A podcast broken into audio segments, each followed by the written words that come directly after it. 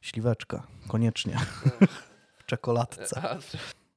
Cześć, w 33 odcinku podcastu No Nie Gadaj witają Was bardzo serdecznie Grzegorz i Kamil. Zróbcie sobie kawę, herbatę, yerbę, nie wiem co tam jeszcze, jeszcze macie i oczywiście zapnijcie pasy.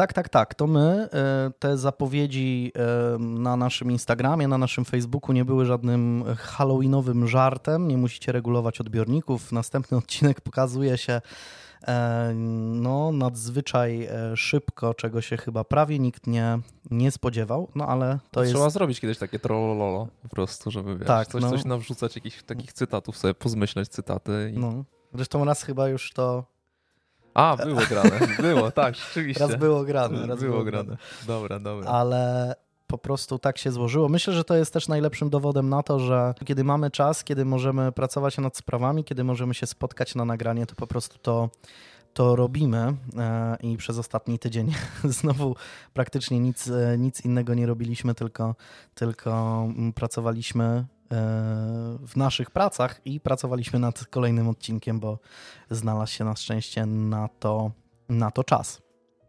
E, no i co, zapytam się ciebie, e, co tam, co tam, co tam, co tam słychać? No, przed chwilą zapowiedziałeś, że robiliśmy tylko, że pracowaliśmy tylko w swojej robocie i pracowaliśmy tylko przy, przy robieniu podcastu i teraz się mnie pytasz, co się działo? Nie wiem, no może coś się, coś się działo. Ja mam w sumie i no, będziemy mówić o jednej y, ważnej rzeczy, ale też mam jeszcze jedną rzecz, o której, o której chciałbym, chciałbym powiedzieć. Nie wiem, no zawsze się pytam ciebie najpierw, tak. No to nie, to ja też nie zacznę od tej wspólnej, o której Aha. pewnie mamy wspólnie opowiedzieć, bo też wspólnie z niej korzystaliśmy z tej, z tej rozrywki. Tak. Y, więc chyba Ratchet, wspomniał o Ratchet y, serial. Serial dopiero. Dopiero, dopiero rozpocząłem, chyba trzeci odcinek jestem mm. na razie podjarany. Tak? Tak, o, proszę. i no nie wiem, może na następnym razem, jak tam nagramy za dwa czy trzy miesiące, to, to powiem po zakończeniu, jak mi się podobało, ale na razie po trzecim odcinku jestem, jestem mega zajarany no, Mi się on cały czas wyświetla gdzieś tam w, na tej pierwszej stronie od razu Netflixa po włączeniu, hmm. bo chyba jest dość popularny obecnie ale, ale nie wiem, jeszcze nie sprawdziłem, ale tak wydaje mi się, że bo nic nie czytałem o nim. On jest taki trochę kryminalny, tak? No słuchaj, no to jest nawiązanie do y, taki prequel lotu nad kukułczym gniazdem. To jest o wielkiej oddziałowej z lotu nad kukułczym gniazdem. O kurde, no to no to nie. Totalnie mnie jakoś opisy i, i recenzje tego serialu ominęły. Wiesz, poza tym y, ja na przykład mam lek trochę jestem niezadowolony z tego, co Netflix mi pokazuje na początku, bo jeśli chodzi o te popularne filmy, to często są pokazane jako filmy te wegi, często gdzieś tam polityka tak, jest tak, ładowana, tak. te wszystkie filmy. Także na, ta, ta, strona startowa jakby Netflixa nie jest często zbyt ciekawa, no chyba, że, że dojadę do, do, do tych kafel, kafelek, w których jest napisane, że no oglądaj dalej po prostu, czyli mhm. to, co widziałem wcześniej. A tak najpopularniejsze są najczęściej jakaś tam polityka, inne tam mhm. botoksy i no tak. inne filmy wegi, no. Jeśli chodzi o Netflixa, to właśnie mam coś Mam coś tutaj do zarekomendowania, bo ostatnio właśnie e, siedziałem sobie i, i e, surfowałem po Netflixie, no szukając czegoś, czegoś e, e, sympatycznego do obejrzenia. I totalnie z zaskoczenia wziął mnie, wziął mnie pewien, pewien film, bo mm, przyznam się wam, pewnie jak wielu jako, jako dzieciak byłem przyszłym e, archeologiem, przyszłym egiptologiem. Się jarałem różnymi tam piramidami, sfinksami, mumiami i tak dalej. Ale z czasem gdzieś tam ta, ta pasja gdzieś tam się u mnie może nie skończyła, ale, ale przycichła. I wziął mnie z zaskoczenia pewien film, e, który się nazywa Tajemnice grobowca w Sakkarze. I to jest film dokumentalny Netflixa. Nie wiem w końcu, czy Netflixa, czy Netflix to kupił od kogoś, ale, ale no, chyba jest to jako, mm, jako film produkowany przez, przez faktycznie Netflixa. Ale, ale włączyłem sobie mm, ten film i jestem naprawdę bardzo, bardzo pozytywnie zaskoczony. Film oczywiście e, opowiada o pracy archeologów na stanowisku niedaleko właśnie mm, piramidy w Sakkarze. Dokładnie ta to miejsce, ta miejscowość nazywa się Bubastis. a głównie opowiada o odkryciu jednego, jednego z grobowców, który doskonale się zachował. E, I do tego odkrycia doszło zupełnie niedawno. To nie jest jakiś film dokumentalny o odkryciach tam, nie wiem, sprzed 100 lat, mm, tylko z takich świeżych odkryć. I w ogóle ten dokument w fajny sposób skupia się na ludziach, którzy e, pracują na takim stanowisku archeologicznym, bo wypowiadają się zarówno ludzie, którzy są jakimiś takimi brygadzistami kopaczy, tak, którzy po prostu gdzieś tam przekopują te, te, te, te, te hałdy ziemi e, i od czasu do czasu trafiają na, na, coś, na coś ciekawego. E, są wywiady z mm, takimi już na przykład ludźmi, którzy zajmują się mm, rozszyfrowywaniem hieroglifów, no już takimi specjalistami. E, osobami, które analizują i zajmują się już typowo kośćmi na przykład, jakimiś różnymi rzeźbami, tego typu rzeczami.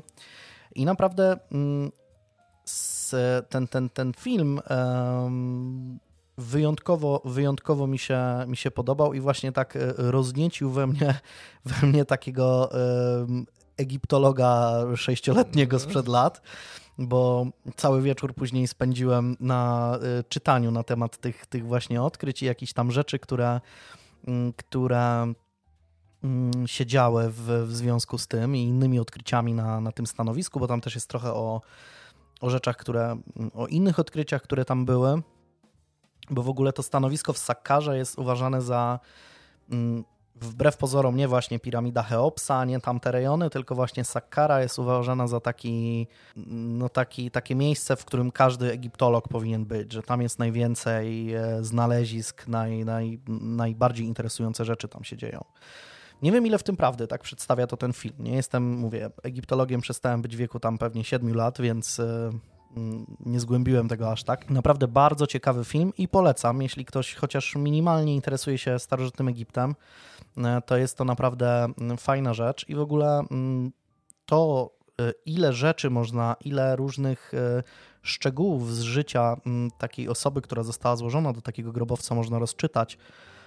Jak można tak naprawdę odtworzyć życiorys takiej osoby, która, która w tym grobowcu wylądowała na koniec swojego życia, kilka tysięcy lat temu. To jest naprawdę naprawdę niesamowite i ten, e, i ten film świetnie to pokazuje i pracę tych ludzi, którzy, e, którzy swoją wiedzą jakby mm, są w stanie mm, takie rzeczy, takie rzeczy odkryć. Naprawdę niesamowite, niesamowite. E, polecam, bo mm, ostatnimi czasy na Netflixie mam, mam wrażenie, że tak sobie przeklikuję te filmy i nic mnie nie interesuje, ale może może, może to ze mną jest coś nie tak, że w końcu trafią na tajemnicę grobowca w Sakkarze. Nie, mi się wydaje, że trochę Netflix też idzie na zasadzie ilość, a nie jakość. A to tak, to, no, to, to, to na pewno. To na pewno, to na pewno tak jest, że, mm, no, że taką mają strategię, tak? No, w porównaniu e, nie wiem, z HBO czy cokolwiek na Netflixie mhm. mam wrażenie, że co wchodzę to jest jakiś nowy film, tak, że sobie tam wchodzę w te nowości, mm, to, to, to ciągle coś jest, tak, nieistotne czy to jakiś e, bułgarski serial kryminalny, tak. Czy A to bym jakiś, obejrzał akurat. jakieś rzeczy, wiesz, jakieś rzeczy mm, czasami, które no to totalnie mnie nie, nie obchodzą. E, a, a no w HBO zazwyczaj, no mam wrażenie, że zazwyczaj jest tak, że jeśli coś się pojawia, to jest to jakościowe w miarę, nie? No ale, ale tak to. Ale tam jest, jest. aplikacja nie do przejścia, więc. Podobno. Ja z nią jest... za, ca, cały czas słyszę, że ta aplikacja jest beznadziejna. Ja z nią nie mam problemów. Nie wiem, co jest. Może ja mam jakąś wersję. Po prostu. No. Albo z tobą jest problem. Albo, albo ze mną jest problem, możliwe. No. Ostatnio też wstawiliśmy na na naszego Instagrama e, tajemniczą e, laleczkę, którą, którą otrzymaliśmy od, e, od kuriera. I, I w sumie nie rozwijaliśmy tematu za bardzo, mm, skąd ta laleczka i, i, czemu, i czemu ona służy. Też niektórzy pisali do nas, żebyśmy skontaktowali się, skontaktowali się z, z policją.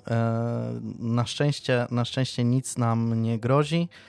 E, mm, laleczka była częścią mm, promocji gry, którą otrzymaliśmy od wydawnictwa e, Cenega, e, gry Little Hope, która jest częścią antologii The Dark, The Dark Pictures i w którą udało nam się zagrać razem, bo w ogóle gra mm, jest zrobiona tak, że można w maksymalnie pięć osób grać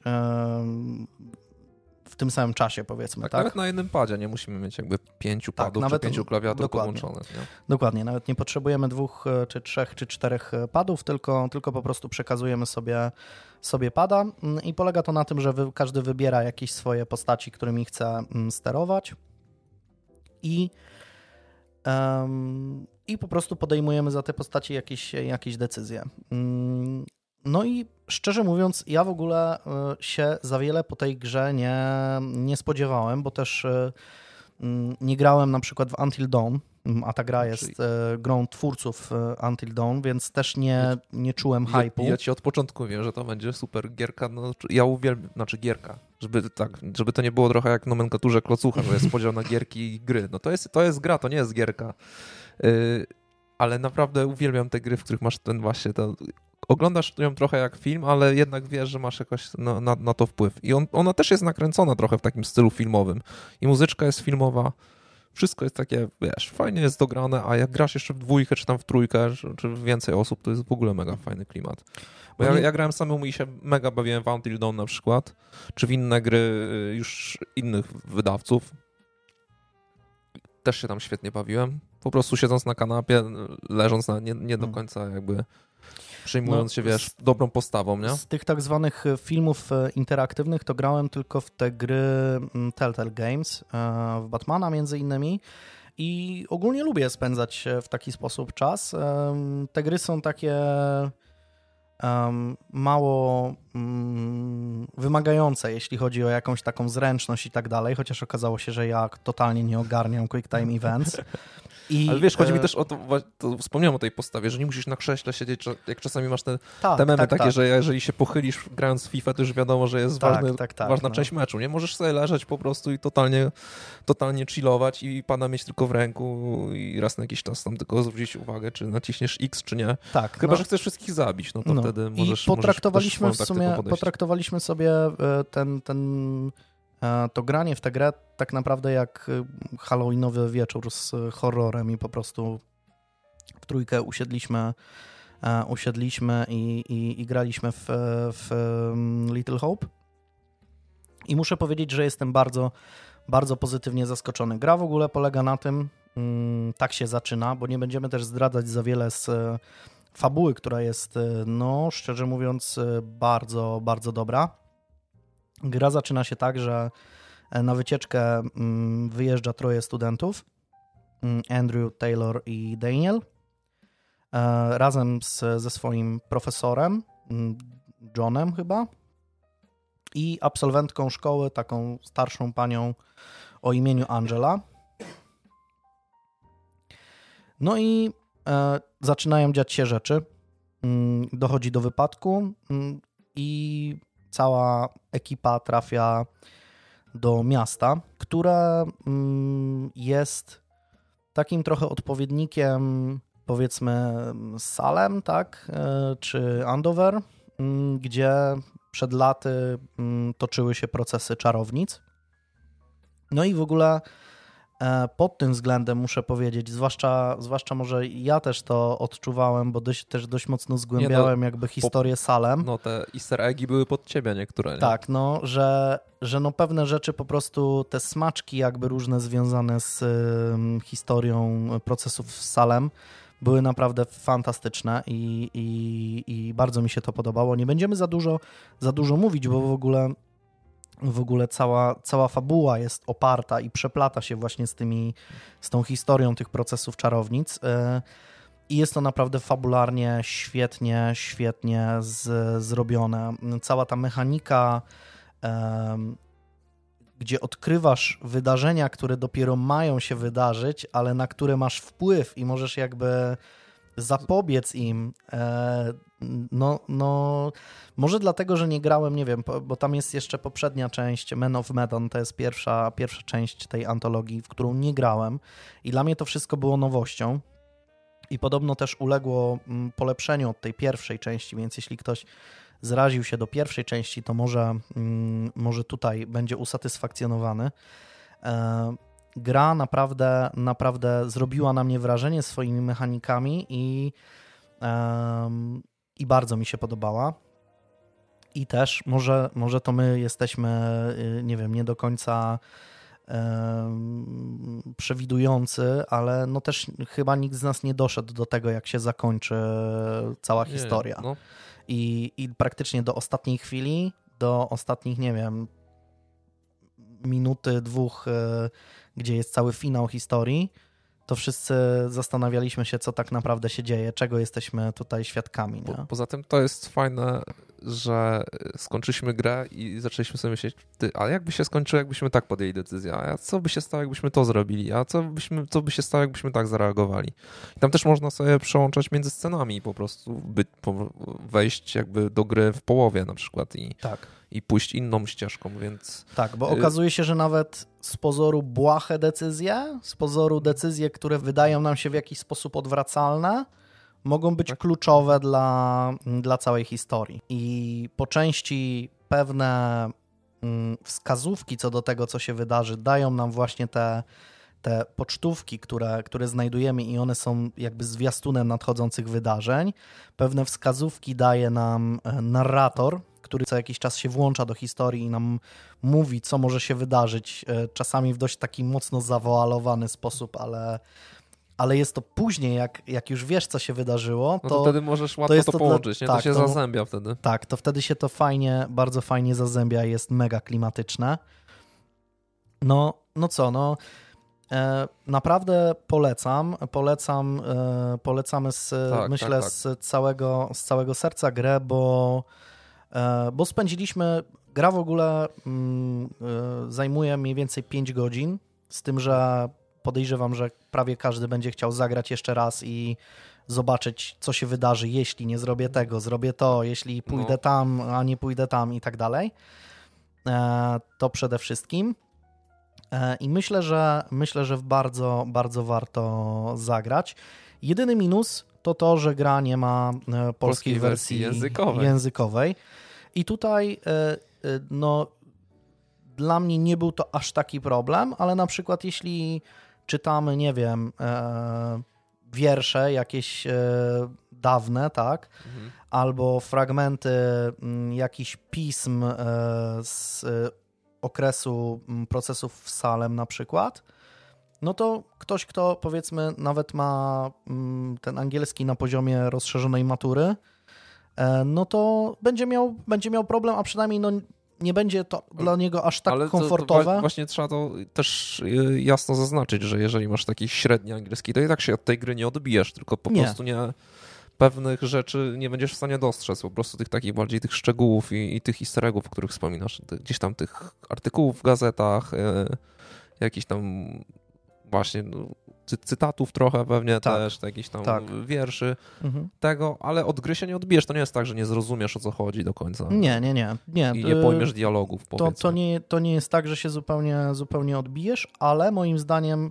jeśli mówimy tutaj o pełnym doświadczeniu, gdzie, gdzie zbierasz każdą znajdźkę, czytasz każdą gazetę znalezioną, mhm. e, każdy dokument jakiś znaleziony i chcesz z tego wyciągnąć wszystko, żeby później mieć satysfakcję z tego, że aha, to, to było napisane tam, że to się wydarzy i, i, i to wszystko widzisz, tak?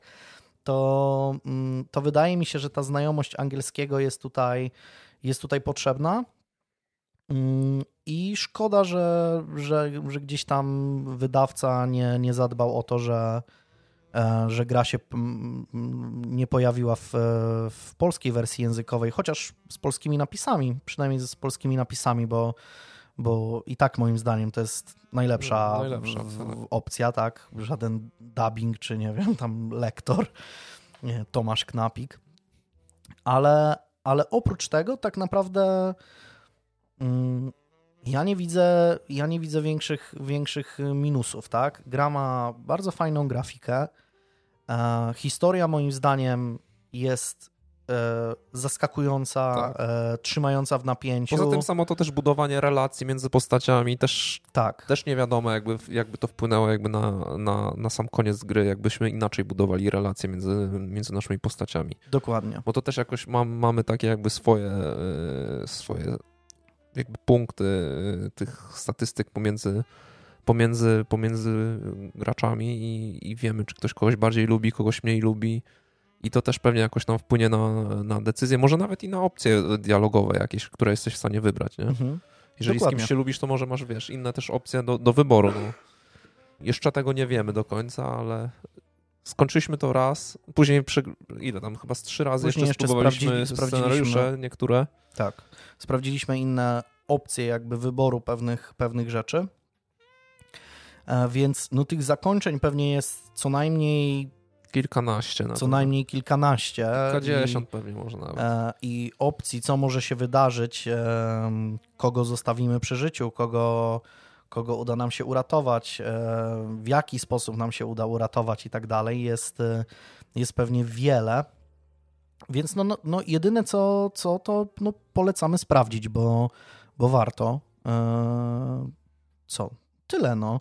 Gra, gra jest naprawdę, naprawdę mm, warta, warta uwagi. E, w takim razie przechodzimy do spraw e, kryminalnych.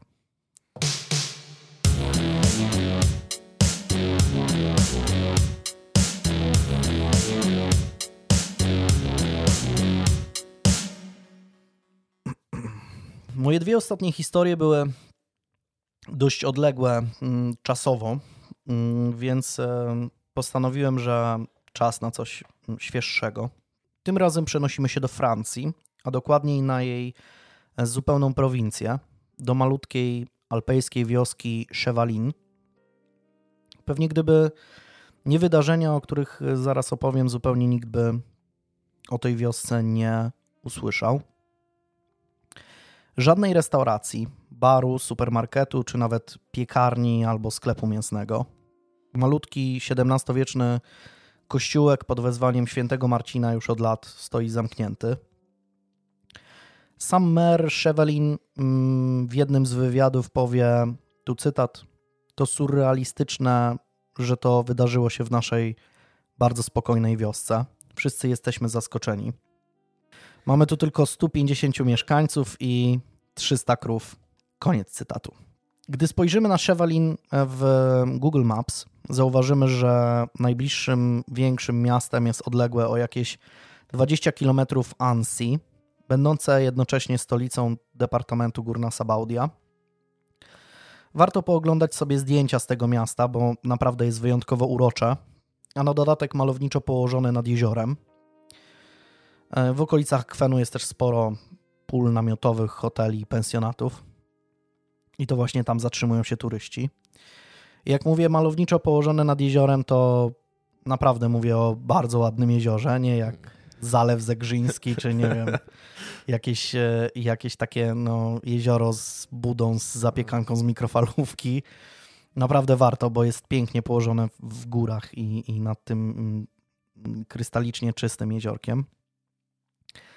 Jest środa, 5 września 2012 roku.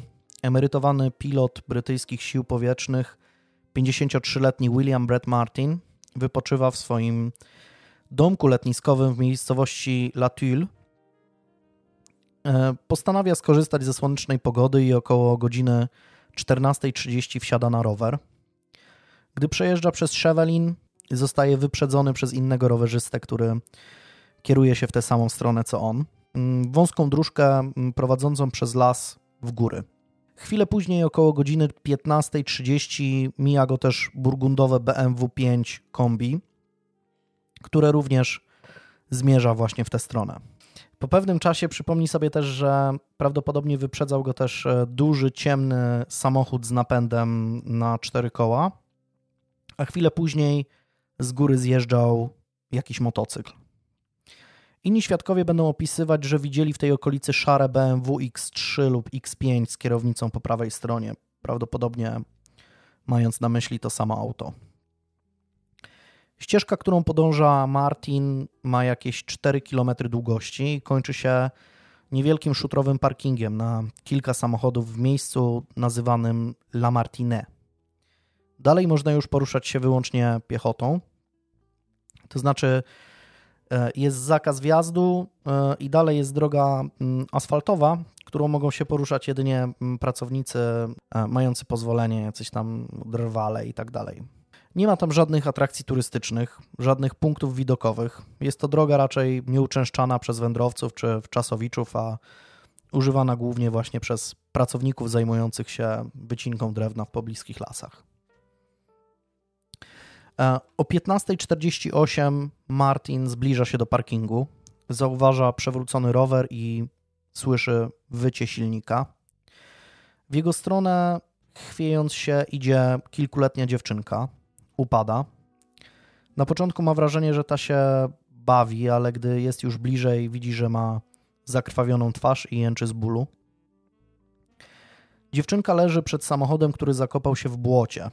Jego tylne koła wciąż kręcą się w miejscu.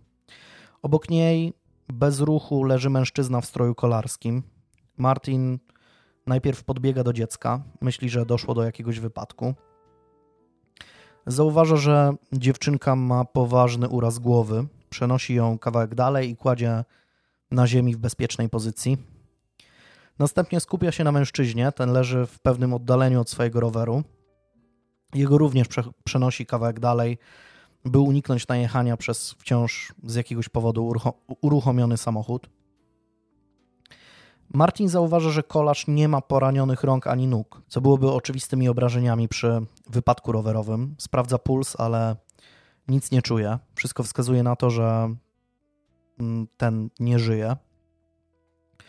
Odwraca się w kierunku samochodu, czuje smród palonej gumy i przegrzanego silnika. Samochód ma kierownicę po prawej stronie. Wpycha szybę do środka i sięga do stacyjki, by zgasić silnik. Zauważa wtedy, że w oknach burgundowego BMW 5 kombi są dziury, jakby po kulach. Gdy rozgląda się po samochodzie, jest już pewien, że nie doszło do żadnego wypadku. W aucie są trzy kolejne osoby. Wszystkie siedzą bez ruchu. Wewnątrz jest pełno krwi. Martin nawet nie sprawdza pulsu. Mężczyzna za kierownicą i dwie kobiety siedzące z tyłu mają dziury po kulach w głowach. Na jednej z konferencji prasowych dla brytyjskich mediów powie, tu cytat, nigdy nie widziałem zastrzelonego człowieka. To wyglądało jak scena z hollywoodzkiego filmu. Dopiero wtedy do niego dociera, czego jest świadkiem. Do strzelaniny musiało dojść dosłownie przed kilkoma minutami. Późniejszy eksperyment y, udowodni, że płynący wzdłuż drogi potok oraz ukształtowanie terenu bardzo skutecznie zagłuszyło odgłosy wystrzałów, pomimo tego, że Martin był zaledwie kilkaset metrów od miejsca, w którym rozegrała się tragedia. Mężczyzna nie bez przyczyny wpada w panikę. Strzelec przecież może być gdzieś obok, a on może zostać jego kolejną ofiarą. Rozgląda się, ale nikogo nie słychać ani nie widać. Wyjmuje swój telefon komórkowy, ale nie ma zasięgu. Nie wie, co zrobić. Zostawić dziewczynkę samą i pojechać do wsi, by wezwać pomoc? Zostać z nią i czekać, aż ktoś tu w końcu przyjedzie lub przyjdzie? Czy może wziąć ją na plecy i zjechać rowerem do Chevalin? Martin postanawia pojechać samemu. Na szczęście zaledwie 300 metrów dalej natyka się na samochód z trzema pasażerami jadący w stronę parkingu, na którym doszło do tragedii. Stamtąd chcą udać się na wędrówkę. Martin, mówiący jedynie po angielsku, próbuje łamanym francuskim wytłumaczyć, co się stało. Pasażerowie samochodu jednak nie rozumieją, więc ten pokazuje, by pojechali z nim na parking. Gdy 41-letni Filip D. E, wraz ze swoimi dwiema przyjaciółkami docierają na miejsce zbrodni, są zupełnie zdezorientowani. Gdy zagląda do samochodu, widzi, że doszło do morderstwa. W jednym z wywiadów powie, że do dzisiaj ma przed oczami widok mężczyzny siedzącego za kierownicą z dziurą w głowie wielkości monety. W pierwszym odruchu Filip e, myśli, że to Martin jest sprawcą i rzuca się na niego z pięściami, ale temu udaje się przekonać Francuza, że nie ma z tym nic wspólnego i chce jak najszybciej zawiadomić służby. W końcu udaje się złapać sygnał komórkowy i wezwać pomoc. Na początku na miejscu pojawiają się trzy samochody Straży Pożarnej i ambulans. Podejrzewam, że po prostu wysłali to, co mieli, no bo w sumie po co trzy samochody Straży Pożarnej w miejscu, w którym nic się nie pali. Niedługo później wjazd na drogę prowadzącą na parking Le Martinet zostaje odgrodzony dla osób postronnych i na miejscu zjawiają się też policjanci. E, będę tutaj w sumie zamiennie mówił policjanci i żandarmi, bo to bardzo często albo jedni, albo drudzy byli. We Francji wiadomo, no jakby jest policja, jest wojsko i żandarmeria, która jest jakby pośrodku, tak? I ma inną funkcję niż żandarmeria w Polsce. Ale no, po prostu będę mówił, mówił zamiennie, bo mieli, pracowali jakby razem na, na, na miejscu i, i, i robili, robili to samo i czasami nawet dla autorów niektórych źródeł jest nieistotne, czy to był policjant, czy żandarm i używają też tego zamiennie. Około godziny 17, gdy już robi się ciemno, dołącza do nich też prokurator Eric Mio, który będzie zajmował się śledztwem. Ranną dziewczynkę mm, helikopter ratunkowy zabiera do szpitala w Grenoble. Mm, gdy do Chevalin zjeżdżają się dziennikarze z całej Francji, z początku podchodzą do sprawy bez większej ekscytacji. Są praktycznie w 100% przekonani, że w przeciągu kilku godzin jakiś miejscowy świr zostanie złapany i wszystko będzie jasne i oczywiste. Nadchodzące wydarzenia pokażą jednak, jak bardzo się mylą. Prace na miejscu zbrodni trwają kilka godzin. Lekarz stwierdza zgon ofiar. Technicy zdejmują odciski palców, uważając, by nie zniszczyć e, szyb, w których są dziury po kulach, które będą bezcennym źródłem wiedzy dla specjalistów od balistyki. Zabezpieczają też łuski pocisków, które zostają znalezione na drodze. Z bardziej zaawansowanymi pracami czekają też na e, ludzi od techniki kryminalistycznej z Instytutu Badań Kryminalistycznych Żandarmerii Narodowej pod Paryżem. Jako, że sprawa bynajmniej nie jest typowa, to wezwani zostają po prostu najlepsi specjaliści w kraju. W tym czasie służby wysyłają też helikopter z kamerą termowizyjną, który lata nad okolicą, z nadzieją, że morderca być może ukrywa się gdzieś w lesie, no ale nie przynosi to żadnego efektu. W tym czasie też lokalna policja zaczyna przesłuchiwać okolicznych mieszkańców, kieruje się na pole namiotowe Solitaire du Lac, na którym zatrzymały się ofiary. Tam podczas rozmowy z jednym z wczasowiczów dochodzi do zwrotu akcji. Otóż mężczyzna, który mieszkał zaraz obok zamordowanych, twierdzi, że ci są rodziną, która przyjechała z Anglii. Pamięta dokładnie, że był tam mężczyzna wraz z żoną, teściową i dwiema kilkuletnimi córkami. Policjanci robią, mm, jak to mówi nasza koleżanka Jaśmin, oczy jak 5 złotych z rybakiem. Jak to dwie córki?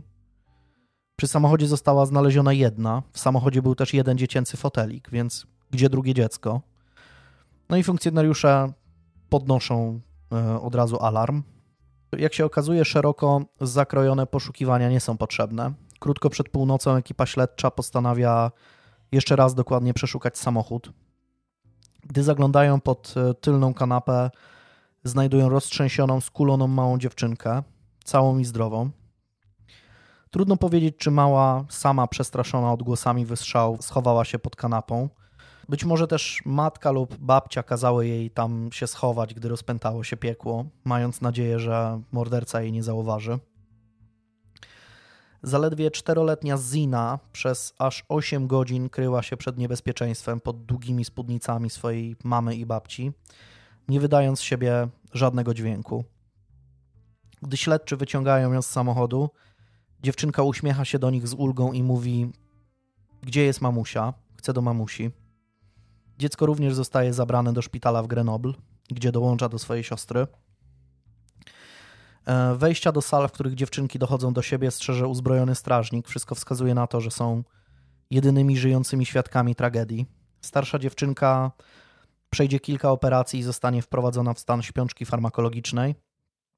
Gdyby nie natychmiastowa pomoc Williama Bretta Martina, prawdopodobnie również nie przeżyłaby ataku. Gdy jej stan się poprawi, zostaje przesłuchana przez policję, ale będzie mówić tylko o złym człowieku, który pojawił się wtedy na miejscu. Będzie ciągle powtarzać właśnie o tym złym człowieku. Śledczy niczego więcej od niej się nie dowiedzą. Intensywne działania policji i żandarmerii szybko pozwalają na dowiedzenie się więcej na temat ofiar morderstwa i odtworzenie ich ostatnich dni życia. Więc po kolei. Sad al-Hilli rodzi się w Bagdadzie w 1962 roku w zamożnej szyickiej rodzinie.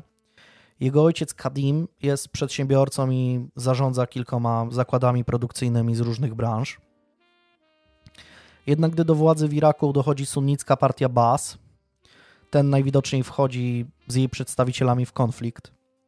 gdy brat Kadima znika nagle pewnego dnia i odnajduje się po pewnym czasie w ciężkim stanie, bardzo dotkliwie pobity i ze śladami tortur na ciele, głowa rodziny Al-Hilli podejmuje decyzję o emigracji. W 1971 roku, 8 lat przed dojściem Saddama Husajna do władzy, wyjeżdżają ze swojej ojczyzny do Wielkiej Brytanii. Mający zaledwie 9 lat Sad trafia do dzielnicy Pimlico w Londynie wraz z rodzicami i swoim 12-letnim bratem Zaidem. Bardzo szybko odnajduje się w nowej rzeczywistości dorasta, czując się praktycznie Brytyjczykiem. Jako zdolny uczeń mm, decyduje się pójść na studia inżynierskie na Kingston University. Finalnie opuszcza uniwersytet e, z dwoma dyplomami z budowy maszyn oraz informatyki. W 1984 roku, gdy ma 22 lata, jego rodzice postanawiają przenieść się do wsi Claygate, niecałe 30 km od Londynu, gdzie kupują dom za 60 tysięcy funtów, w którym w przyszłości zamieszka Sad wraz ze swoją rodziną. W momencie tragedii posiadłość przekroczy wartość miliona funtów. Po ukończeniu studiów pracuje w różnych firmach jako inżynier mechaniki, konsultant w dziedzinie aeronautyki – Później jest też specjalistą w projektowaniu cywilnych urządzeń technologii satelitarnej. W tym czasie jego brat Zaid e, po studiach z księgowości pracuje jako dyrektor finansowy w grupie Burnhill, zarządzającej nieruchomościami i polami golfowymi. Wśród znajomych i sąsiadów Sad jest uważany za typową złotą rączkę. Często pomaga im w remontach, drobnych pracach naprawczych, samodzielnie też wykonuje wszystkie prace w domu. Mm, co robi wrażenie na wielu jego kolegach. Jest też uważany za bardzo pogodną i uczynną osobę. Znajomi będą wspominać, że Sad miał doskonale, doskonałe relacje ze swoją matką, za to o ojcu mówił wyłącznie źle. Nigdy nie powiedział tego wprost, ale wszyscy podejrzewali, że chodziło o przemoc domową i e, Sad nie mógł wybaczyć, że ojciec e, w jakiś sposób znęcał się fizycznie nad, e, nad matką. Matka prawdopodobnie mm, chce też, by jej najmłodszy syn znalazł sobie arabską partnerkę, a najlepiej Irakijkę. Gdy więc e, w kwietniu 2003 roku e, Fasiha al-Hilli umiera, Sad postanawia wyjechać na Bliski Wschód, by znaleźć sobie żonę. W Abu Dhabi mężczyzna poznaje 38-letnią Iqbal, w której od razu zakochuje się i zaledwie 4 miesiące później bierze z nią ślub. Kobieta również urodziła się w Bagdadzie. Z wykształcenia jest dentystką. Studia zresztą skończyła na mm, Bagdadzkim Uniwersytecie. Po ich ukończeniu przez pewien czas mieszkała w Szwecji, Stanach Zjednoczonych, a później w Emiratach, gdzie właśnie poznaje swojego przyszłego męża. Na początku o jej przeszłości nie wiadomo zbyt wiele, ale do tego jeszcze wrócimy. Największym marzeniem Sada jest posiadanie dzieci. Wielu przyjaciół rodziny Al-Hilli będzie wspominać, że ten wprost uwielbiał bawić się z ich pociechami lub przynosić im różne prezenty. Często mieli wrażenie, że ich przyjaciel nie przychodzi w odwiedziny do nich, tylko do ich dzieci. 16 marca 2005 roku rodzi się pierwsza cór córka Sada i Iqbal, której dają na imię Zainab, mm, a trzy lata później, 24 kwietnia 2008 roku, przychodzi na świat druga córka Zina. Dziewczynki są oczkiem w głowie taty, często bawi się z nimi w ogrodzie, nie szczędząc im uczuć i dając to, czego sam prawdopodobnie nie dostał od własnego ojca. Mała Zainab jest tak przywiązana do swojego pluszowego pingwina, że troskliwy ojciec trzyma w ukryciu jego cztery identyczne zapasowe egzemplarze w razie gdyby dziewczynka zgubiła ulubioną zabawkę. Rodzina bardzo lubi podróże a zwłaszcza upodobała sobie wyjazdy właśnie do Francji. W środę 29 sierpnia 2012 roku przypływają promem z Dover do portu w Calais. Towarzyszy im też 74-letnia matka Iqbal Suheila al-Allaf, która specjalnie przyjechała do swojej córki i zięcia ze Szwecji, by spędzić z nimi wakacje. To już ich trzeci taki wyjazd z rzędu. W zeszłym roku też wybrali karawaning we Francji. Planują wczasy na polu namiotowym niedaleko Annecy. Gdyby wybrali najszybszą drogę, byliby na miejscu e, po 8-godzinnej podróży. Podejmują jednak inną decyzję. Raczej trudno doszukiwać się tutaj jakiegoś drugiego dna. Sad y, uwielbia siedzieć za kierownicą, więc bardzo możliwe, że y, wybiera dłuższą i bardziej atrakcyjną turystycznie drogę właśnie dlatego.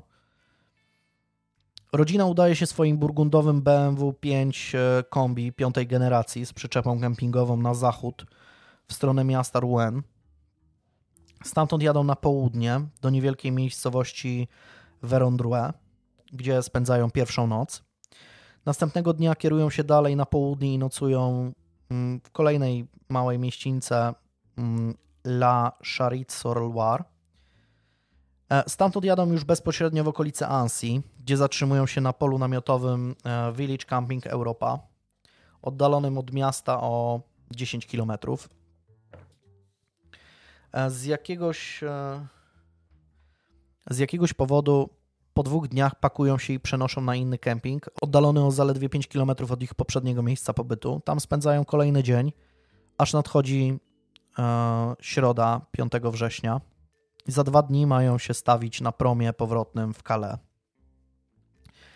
Co do tego, jak przebiega pobyt rodziny na wczasach, zdania świadków są podzielone. Jedni twierdzą, że rodzina Al-Hillich e, była najzwyklejsza na świecie i niczym się nie różniła E, od, od innych wczasowiczów. Inni za to powiedzą, że zauważyli kilka dziwnych rzeczy. Po pierwsze, przy ich przyczepie miał się kręcić podejrzany mężczyzna w garniturze o bałkańskim wyglądzie, z którym Sad miał przeprowadzić emocjonalną rozmowę, która skończyła się tym, że mężczyzna klepnął ręką w maskę samochodu i ulotnił się. Po drugie, Niektórzy wczasowicze z Village Camping Europa mm, powiedzą, że widzieli jak Sad wielokrotnie w ciągu dnia wsiadał do swojego BMW i gdzieś wyjeżdżał, nie zabierając pozostałych członków rodziny ze sobą. Inni dla odmiany tej wersji stanowczo zaprzeczą. Jeszcze inni będą twierdzić, że gdy rodzina pakowała się przed przenosinami na drugi camping, robiła to z podejrzaną nerwowością, jakby się śpieszyli. Turyści, którzy rozmawiali z Sadem i Gbal, będą twierdzić, że ci zaplanowali dłuższy pobyt na pierwszym kempingu, a dla odmiany jego właściciele temu zaprzeczą. Będą twierdzić, że wszystko mm, się zgadza, że oni po prostu faktycznie tylko na dwa dni y, zaplanowali pobyt na pierwszym kempingu, a później się przenieśli. No ale dlaczego te, te dwa pola namiotowe dzieliło tylko 5 km? Dlaczego się przenosić? Nie wiadomo. Śledczy oczywiście skupili się głównie na odtworzeniu ostatniego dnia życia rodziny Al-Hilli. Zainab zeznała policji, że ojciec zapytał się jej, jak chciałaby spędzić popołudnie. Zaproponował jej pojechanie na zakupy do miasta lub spacer po górach. Dziewczynka wybrała spacer. Sad przed wyjazdem zapytał się właściciela kempingu o interesujące miejsca w okolicy um, takie, gdzie można by pospacerować. Ten wskazał mu okolicę Chevelin, ale nie mówił o konkretnym parkingu, na który rodzina z jakiegoś powodu się kieruje. Sad wraz z rodziną pakuje się do samochodu i około godziny 14.30 wyjeżdża z pola namiotowego i kieruje się w stronę Chevelin. Mm, po drodze aparatem teściowej Sada zostają wykonane trzy zdjęcia. Wszystkie prawdopodobnie w okolicach wsi Arnaud, niedaleko Chevelin. Na jednej z nich widnieje godzina 15.15. Na wszystkich fotografiach cała rodzina się uśmiecha. Nie widać na nich żadnej zapowiedzi nadchodzącego dramatu. Mniej więcej o 15.30 Sad skręca w górską drogę prowadzącą do Le Martine. Według świadków nikt nie podąża za samochodem. BMW mija jadącego na rowerze Williama Bretta Martina, a chwilę później kolejnego kolarza zmierzającego w tę samą stronę, Francuza Sylwena Moliera. To, co dzieje się na niewielkim parkingu na końcu drogi, można już jedynie odtworzyć ze szczątkowych zeznań starszej dziewczynki i zebranych dowodów. Wszystko wskazuje na to, że Sad mniej więcej o godzinie 15.45 parkuje BMW przodem i wysiada z niego razem z Zainab podczas gdy Iqbal, Suheila i Zina zostają w środku. Trudno powiedzieć, dlaczego tylko ojciec z córką wyszedł z samochodu. Może dziewczynka chciała się załatwić. Może podejść do tabliczki, mm, która jest na końcu parkingu i opisuje szlak pieszy, na który można wejść w tym miejscu. Gdy Sad i Zainab są na zewnątrz, na miejscu pojawia się też Sylwią Molière, jadąc na rowerze lub prowadząc go pod górę. Bardzo możliwe, że Sad zamienia z nim kilka słów, jest osobą bardzo otwartą. Interesuje się też kolarstwem, sam lubi jeździć na rowerze, mm, więc bardzo możliwe, że zamieniają kilka słów. Najwidoczniej morderca ukrywa się między drzewami lub jest po prostu gdzieś tam na miejscu. Nagle zaczyna strzelać. Trudno powiedzieć, kto jest pierwszym celem i jak, jaka jest dokładna kolejność oddawania strzałów. Jednak ślady wskazują na to, że w pewnym momencie Sadowi udaje się uciec z powrotem do samochodu, podczas gdy Zainab zostaje na zewnątrz.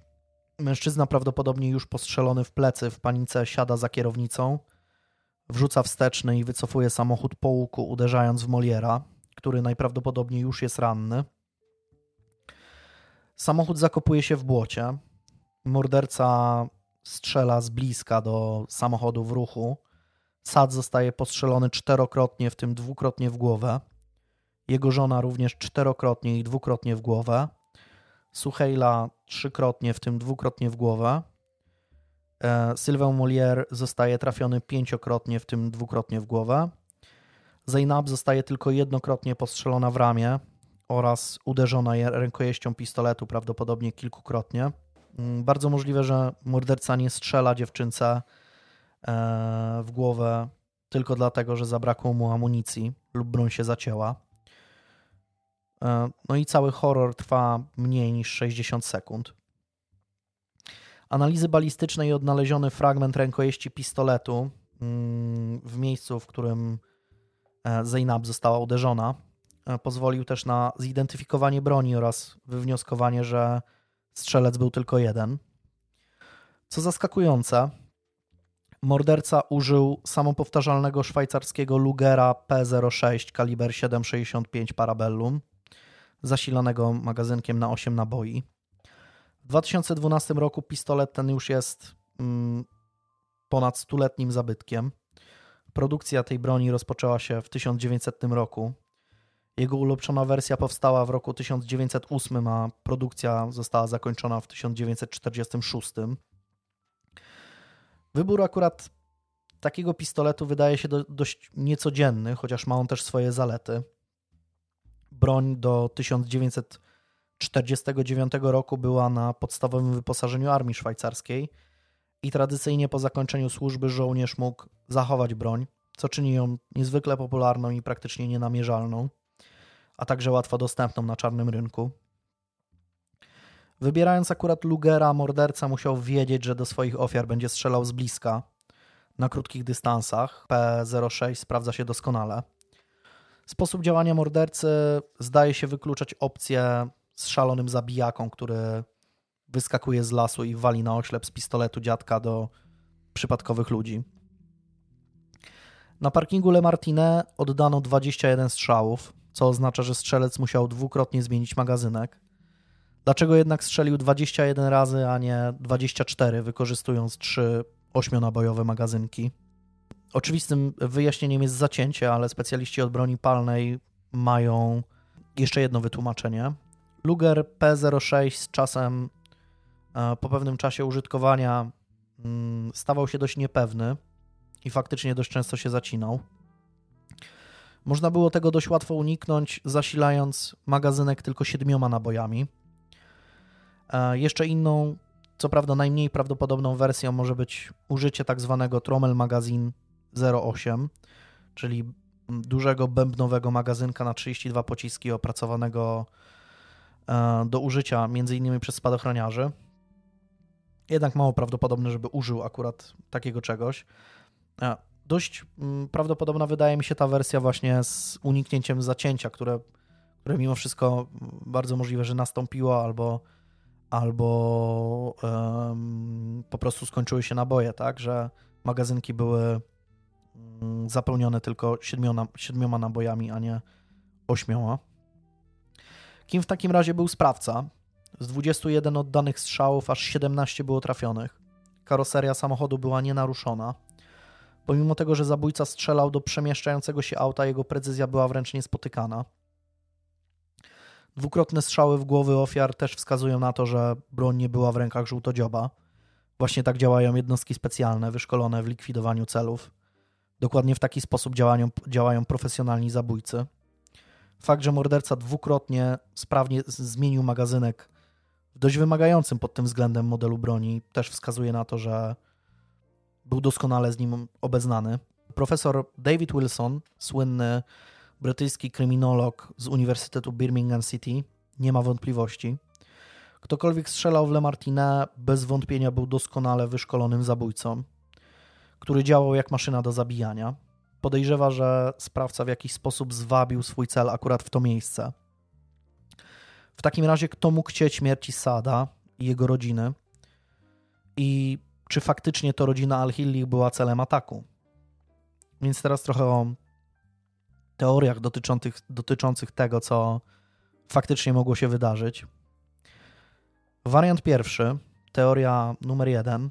Zaid al-Hilli zabił swojego brata dla pieniędzy.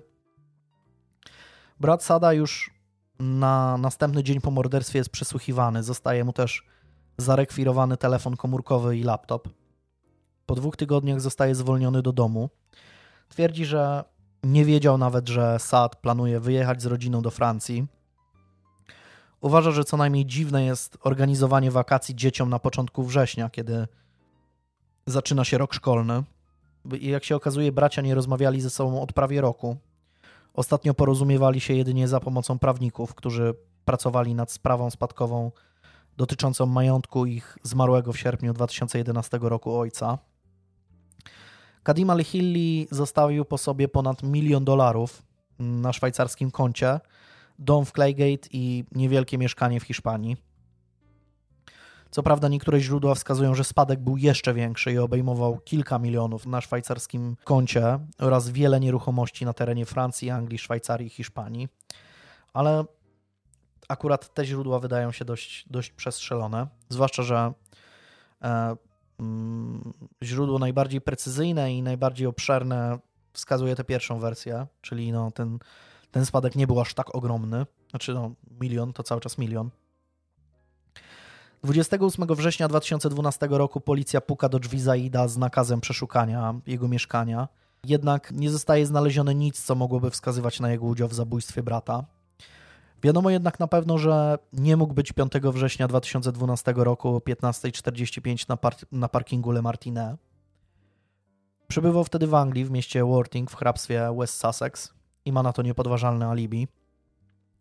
Czy mógłby wynająć zabójcę, by udał się w podróż za sadem i tam z zimną krwią wyeliminował go wraz z całą rodziną? Jeśli tak, to dlaczego nie zlikwidował mm, samego mężczyzny, tylko całą rodzinę? Dlaczego na przykład nie zlikwidował go w miejscu zamieszkania, kiedy atak byłby dużo prostszy? Skąd wiedziałby, że sad znajdzie się akurat na, na parkingu La Martine? E, no, wydaje mi się, że e, znaków zapytania jest tutaj bardzo dużo, mm, ale odpowiedź na pytanie, czy Zaid faktycznie mógł być odpowiedzialny za śmierć brata, no bo raczej niemożliwe jest, żeby faktycznie on trzymał broń. Pozostawiam Wam odpowiedź na to pytanie. Teoria druga. Zemsta byłego męża Iqbal. No i tutaj ciekawostka, bo w 2014 roku okazało się w toku śledztwa, że Iqbal, zanim wyszła zasada, była już jednokrotnie zamężna. Gdy przebywała w Stanach Zjednoczonych w 1999 roku, wzięła ślub z byłym policjantem Dudleyem Thompsonem, po czym rozwiodła się z nim kilka miesięcy później. Bardzo możliwe, że Sad nic nie wiedział o jej poprzednim związku. Co ciekawe, 60-letni mężczyzna zmarł na atak serca dokładnie tego samego dnia, co jego była małżonka. Ich zgony dzieli zaledwie kilka godzin, jakieś 8 tysięcy kilometrów.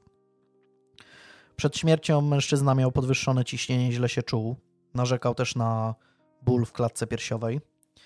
Pomimo tego, że francuska prokuratura domagała się ekshumacji zwłok mężczyzny, podejrzewając jego otrucie, rodzina zmarłego nie wyraziła na to zgody. No i czy możliwe, żeby Dudley Thompson zlecił zabójstwo za oceanem? Mm, bo na pewno nie zabijał sam, bo zmarł tego samego dnia w Stanach. No też odpowiedź na to pytanie zostawiam wam. E, czy były em, jakiś tam emerytowany policjant mógłby wyłożyć grube pieniądze na jakiegoś w ogóle turbo profesjonalnego hitmana, żeby zabił jego byłą żonę. Po co? Nie wiadomo. I skąd na to wszystko pieniążki? No, no przede wszystkim, nie? Czy no, nie wiem, nigdy się nie interesowałem, ile kosztuje e, zabicie kogoś, ale no jeszcze ja rozumiem, wy, wynająć jakiegoś pijaka Mietka, który gazrurką by kogo, kogoś mm, obił pod sklepem, no to podejrzewam, że to jest względnie tanie. Może nawet kosztować mniej więcej z dwa wina. Ale, ale jeśli chcesz wynająć gościa, który no wali z pistoletu jak w ogóle jakiś, nie wiem, cheater, no to... Na no, aimbocie. No, no ewidentnie na aimbocie, nie? To podejrzewam, że taka usługa jest dość droga. Tak mi się wydaje. Nie, nie wiem, e, ale się domyślam. Teoria trzecia. Celem nie był żaden z członków rodziny Al-Hilli, tylko Sylvain Molière. Wszystko wskazuje na to, że co najmniej jedna z ofiar mordercy jest totalnie przypadkowa. Większość teorii wskazuje Al-Hilli jako cel, ale co jeśli tym celem miał być 45-letni francuski rowerzysta, a nie brytyjska rodzinka? Wybór broni też bardziej wskazuje na przygotowanie się na wyeliminowanie tylko jednego celu. No jeśli planujesz zabijać więcej osób, to raczej używasz czegoś bardziej szybkostrzelnego. Tak przynajmniej mi się wydaje. Nie żebym był zabójcą na zlecenie, ale tak, taką mam refleksję. E, kim więc był Sylvain Molière? W momencie śmierci mężczyzna jest świeżo upieczonym ojcem trzymiesięcznego synka, partnerem 16 e, lat młodszej Claire i przebywa na długoterminowym zwolnieniu. Jest pracownikiem fabryki e, produkującej cyrkonowe rury używane w reaktorach atomowych. Sylvain ma też dwójkę dzieci ze swojego poprzedniego małżeństwa z obecną partnerką żyje w związku nieformalnym. No i zanim powstanie kolejna teoria o tym, że na przykład jego była żona mogła zlecić morderstwo, to należy wiedzieć, że utrzymywał z nią bardzo dobre relacje, że spotykał się ze, ze swoimi dziećmi e, i, i tutaj raczej nie ma co doszukiwać się kolejnej opcji. Sylwę jest też pasjonatem kolarstwa. Jego obecność na wyboistej, dziurowej, leśnej ścieżce też wydaje się dziwna. Mężczyzna jechał na profesjonalnym rowerze kolarskim wartym jakieś 4000 funtów. Niezbyt nadającym się na takie nawierzchnie. E, więc jako doświadczony kolarz, doświadczony rowerzysta raczej nie, nie wjeżdżałby na, na, na, takim, na takim rowerze w tak dziwne miejsce? To też jest pytanie, które pozostaje bez odpowiedzi. Dlaczego tam się znalazł? Analiza balistyczna wskazuje, że z dużą dozą prawdopodobieństwa to w stronę Sylwena zostały skierowane dwa pierwsze strzały wymierzone w jego klatkę piersiową. Logika nakazuje myśleć, że zabójca na zlecenie najpierw eliminuje swój cel, a później pozbywa się świadków. Eee, czy tak też mogło być w tym wypadku? A może pracownik firmy powiązanej z przemysłem atomowym współpracował ze specjalistą od satelit, Sadem Al-Hillim. Eric Mio, słysząc tę teorię, jedynie się uśmiecha i mówi, tu cytat, świetny, na, świetny materiał na powieść sensacyjną, nic więcej. E, Molière w swoim miejscu pracy był zaledwie spawaczem, Al-Hilli specjalistą niskiego szczebla – ani jeden, ani drugi raczej nie mógł mieć żadnego dostępu do ściśle tajnych materiałów. Nie ma też nawet pół dowodu na to, że mężczyźni kiedykolwiek ze sobą, się ze sobą kontaktowali. Żadnych maili, telefonów, listów czy SMS-ów. To też zdaje się wykluczać czwartą teorię, że to Sad sprzedawał ściśle tajne materiały służbom E, ściśle tajne materiały służbom innych krajów i został zlikwidowany przez CIA, MI6 albo Mossad.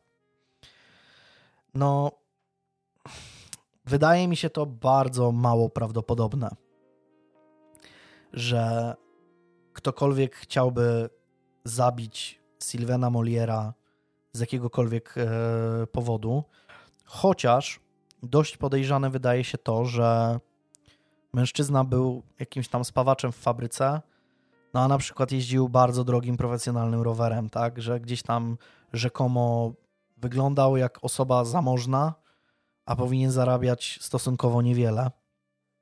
To może Więc... ten drugi kolarz po prostu z zawiści. Zazdrości mu roweru. No, no wiesz, też, wiesz, kolarze potrafią się zdenerwować, jak wiesz, ktoś jest pierwszy na górce na przykład jakiś. Może tak, no. No może być. To jest moja teoria. Teoria piąta to ogólnie pojęty wątek iracki. W 2009 roku po upadku dyktatury Saddama Husajna Sad y, wyjeżdża do Iraku, by odzyskać dom y, rodzinny położony w prestiżowej dzielnicy Bagdadu Al-Adamiyye. Wartość posiadłości nie jest mała, bo niektóre źródła wskazują, że została wyceniona na 500 tysięcy dolarów. Mężczyzna udaje się do stolicy samotnie, podczas gdy ta wciąż jest bardzo niebezpiecznym miejscem. Gdy puka do drzwi swojego dawnego domu rodzinnego, zostaje nieprzyjemnie powitany przez ludzi, którzy nielegalnie w nim zamieszkali. Gdy wdaje się z nimi w sprzeczkę, zostaje dotkliwie pobity i z podkulonym ogonem wraca do Anglii.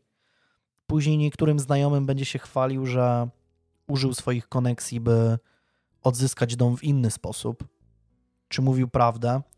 Trudno powiedzieć. Nie ma na to żadnych dowodów. Czy ktoś mógłby chcieć upewnić się, że rodzina Al-Hillich nie będzie ubiegała się o zwrot nieruchomości i zlecić zabójstwo Sada? No, odpowiedź na to pytanie zostawiam Wam. Kolejna teoria związana z wątkiem irackim pojawiła się dzięki artyk artykułowi w gazecie Le Monde w październiku 2012 roku. Według ich doniesień niemiecki wywiad rzekomo przekazał stronie francuskiej dowody na to, że Kadim al-Hilli wcale nie był wrogiem reżimu Saddama Husajna, a wręcz przeciwnie, był częścią zagranicznego systemu zorganizowanego przez dyktatora mającego na celu ukrycie jego fortuny. Chwilę przed rozpoczęciem amerykańskiego ataku na Irak, Saddam miał wyprowadzić z irackiego banku centralnego prawie miliard dolarów i ukrycie na zagranicznych kontach zarządzanych przez jego zaufanych ludzi. Ze względu na fakt, że sprawa wciąż jest nierozwiązana, śledczy nie są zbyt chętni do dzielenia się informacjami. Twierdzą jednak, że są faktycznie istotne dowody na to, że Kadim al-Hilli miał w różnych rajach podatkowych więcej kont po brzegi wypełnionych gotówką. Skąd miał te pieniążki? Nie wiadomo. Czy jednak podzielił się tą informacją ze swoim, ze swoim synem lub synami? Czy ktoś mógł chcieć położyć łapę na fortunie Saddama? Wiadomo jedno. Hussein 5 września 2012 roku, kiedy strzelano na parkingu Le Martine, od prawie 6 lat gryzł ziemię, więc pieniądze no, do niczego mu nie były potrzebne. Jedynie ktoś mógłby chcieć przejąć tę fortunę. Tylko co by dało zabicie Sada, tak? Niektóre źródła mówią, że mężczyzna podobno z Ansi udawał się, i, i tak można by wytłumaczyć te jego wyjazdy wielokrotne z Ansi, że rzekomo udawał się do Genewy, gdzie były te banki szwajcarskie, tak? Ale czy faktycznie tak było? Czy to nie jest jak jakieś bajkopisarstwo? Nie wiadomo. Kolejna teoria. W kwietniu 2013 roku policja przesłuchała 50-letniego mężczyznę mieszkającego w mieście Ujin. Zresztą mm, to jest to samo miasto, z którego pochodzi Sylvain Molière. Facet jest e, emerytowanym członkiem Legii Cudzoziemskiej, który po zakończeniu służby został strażakiem. Jako legionista był na misjach na wybrzeżu Kości Słoniowej, Somalii, Bośni, Rwandzie. Funkcjonariusze policji mm, przeprowadzili z nim przyjazną 45-minutową rozmowę, badając jedną z wielu możliwych wersji wydarzeń. Mężczyzna jednak nigdy mm, nie był traktowany jako podejrzany w sprawie. W czerwcu 2014 roku popełnił samobójstwo, a w notatce, którą zostawił krótko przed odebraniem sobie życia, napisał, że nie może znieść bycia posądzanym o morderstwo w Szewalin. No, czy faktycznie miał coś wspólnego z tymi wydarzeniami, czy może problemy psychiczne, z którymi się zmagał pewien sposób napompowały mu rozmowę z policją sprzed roku do niewyobrażalnych rozmiarów. Mm, z pewnością facet pasuje doskonale do profilu, tak? Był w Legii Cudzoziemskiej, w którym pracują, no, można powiedzieć, praktycznie maszyny do zabijania. Ludzie, którzy no, potrafią obsługiwać broń. Ale z drugiej strony mm, w ogóle nikt go nie traktował jako podejrzanego. Facet wydaje się, że popełnił samobójstwo głównie no, przez swoje jakieś tam problemy natury psychologicznej. Być może kiedyś się dowiemy, kim był tajemniczy zabójca z Szewalin. Jednak póki co mm, wszystko wskazuje na to, że śledczy nie mają nic, co mogłoby ich przybliżyć do rozwiązania tej zagadki. Wciąż wiele pytań pozostaje bez odpowiedzi. Kim był tajemniczy mężczyzna, który miał się pojawić na polu namiotowym i z którym Sad rzekomo się pokłócił? Kim był kierowca szarego BMW, które pojawiło się na drodze chwilę przed morderstwem? Tak samo kim był motocyklista, który widziany był w tym samym czasie przez Williama Bretta Martina. Wśród wielu opcji pojawiła się również ta, że Sad zlecił zabójstwo swojej rodziny, a finalnie sam też stał się celem. Czemu w takim razie zabójca oszczędził małą Zinę? Czy w ogóle kiedykolwiek znajdziemy na te pytania odpowiedzi? Eric Mio w jednym z wywiadów powie, tu cytat, gdyby to była powieść, można by ją napisać z różnymi zakończeniami i to czytelnikowi zostawić wybór tego właściwego. No i chyba tak należy to zakończyć. Po prostu wybrać swoje ulubione zakończenie. Naprawdę sporo się zastanawiałem nad tą sprawą i mam wrażenie, że im dłużej o niej myślę, tym bardziej wszystkie te opcje wydają mi się totalnie bez sensu. E, wypowiedzcie się może w komentarzach, co o tym, co o tym sądzicie. Z pewnością będę też śledził newsy na temat e, tej sprawy, jeśli w ogóle jakiekolwiek się pojawią, bo jestem ogromnie ciekawy, kto, no jeśli pewnie stały za tym jakieś służby tajne, to, to się o tym nie dowiemy, ale kto mógłby chcieć śmierci jakiejś, to zdawać by się mogło randomowej rodziny, kto siedziałby w lesie czekając na, na nich i skąd wiedziałby, że oni się akurat tam znajdą, gdzie wszystko wskazuje na to, że pojawili się tam zupełnie przez przypadek. Czy możliwe jest, żeby Sad brał całą swoją rodzinę, jechał na jakieś tajne spotkanie, na przykład z kimś, które okazało się mm, miejscem jego, jego egzekucji, a rodzina była tylko po prostu przypadkowymi ofiarami. Tak samo Sylvain Molière. Nie wiem, nie wiem, nie mam odpowiedzi na to, na, na te pytania. E, jestem ciekawy też, co, co, co, co wy o tym sądzicie. No i to, to wszystko, jeśli chodzi o, o sprawę z Szewalin. E, jest ona, mam, mam wrażenie, że jest mega intrygująca. Jeśli chodzi o źródła, to jeśli kogoś zainteresował w ogóle temat e, tej sprawy, to polecam książkę Toma Parego The Perfect Crime. No, jest to, wydaje mi się, idealny tytuł jak na tę sprawę, bo no dziwne, dziwne w ogóle, jak można wziąć e, dziadowski jakiś pistolet i, i dokonać zbrodni doskonałej. Wszystko na to wskazuje. I tak naprawdę to jest źródło e, kompletne, które warto przeczytać, bo jest tam dużo więcej szczegółów e, oprócz tego, o czym ja powiedziałem. Oczywiście na Facebooku znajdziecie zdjęcia, e, których trochę, trochę jest. Nie wiem, masz coś do dodania? Masz jakieś swoje spostrzeżenia? Swoje. Ja, wiesz co, jak zacznę swoją, to zacznę ten. Tak? Zacznę spostrzeżeniem, trochę nawiązaniem do twojej. O, no widzisz, zawsze ten, zawsze wygląda tak, jakbyśmy y, przygotowywali się wcześniej, mhm. kto co będzie robił, bo ty często nawiązujesz do, do, do, rzeczy, o których mówię, ale to tak nie jest. E, w ogóle nie. Y, Kamil nie wie, o czym będę mówił ja, ja nie wiem, o czym będę, będzie mówił Kamil, więc. To, to, to, tak jak kobiety podobno zgrywają im się okresy, jak ze sobą przebywają. Możliwe. Nam, no. nam podobnie działa. Może być, no. Może być. Dobra, w takim razie y, słucham ciebie.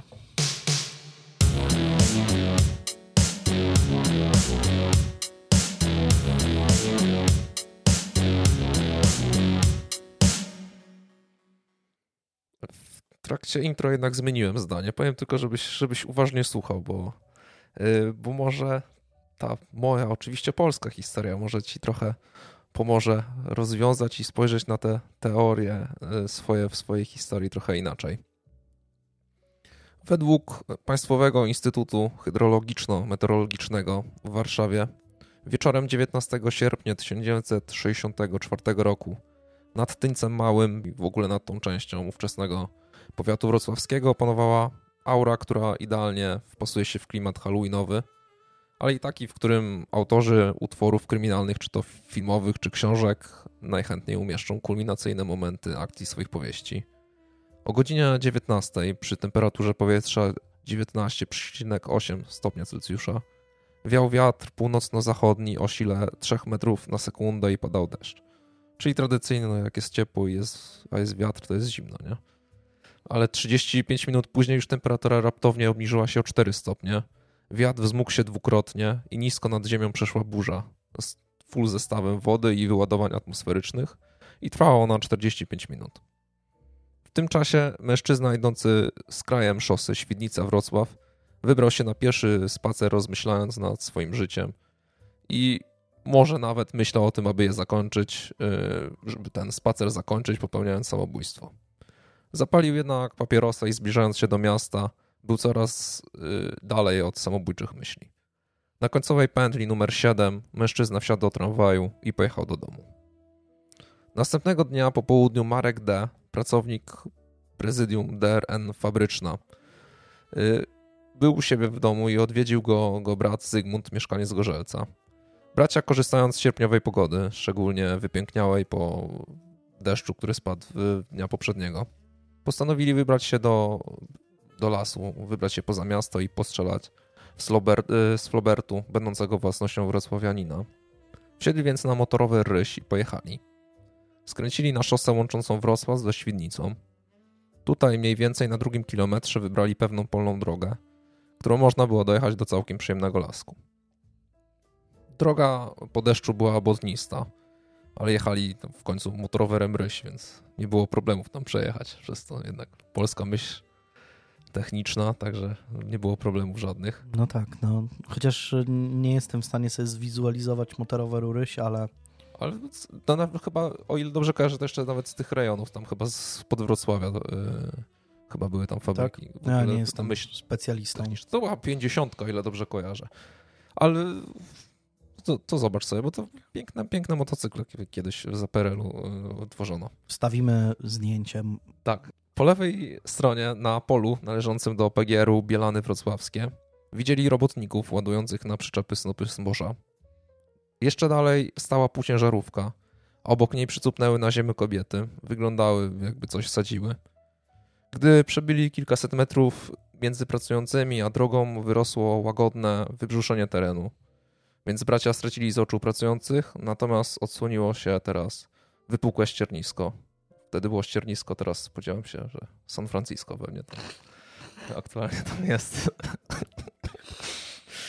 Gdy gdy wjechali już jakby e, trochę dalej, no to e, dojechali do lasu, a tam za zakrętem zobaczyli przed sobą samochód osobowy. Była to ciemnowiśniowa Skoda Octavia, stojąca na ukos drogi. Marek początkowo uznał samochód za jeden z często spotykanych w tych stronach wozów, których właściciele przyjeżdżają często całymi rodzinami poszukać grzybów. Ale jednak miłosnych celów postoju też, też nie wykluczał.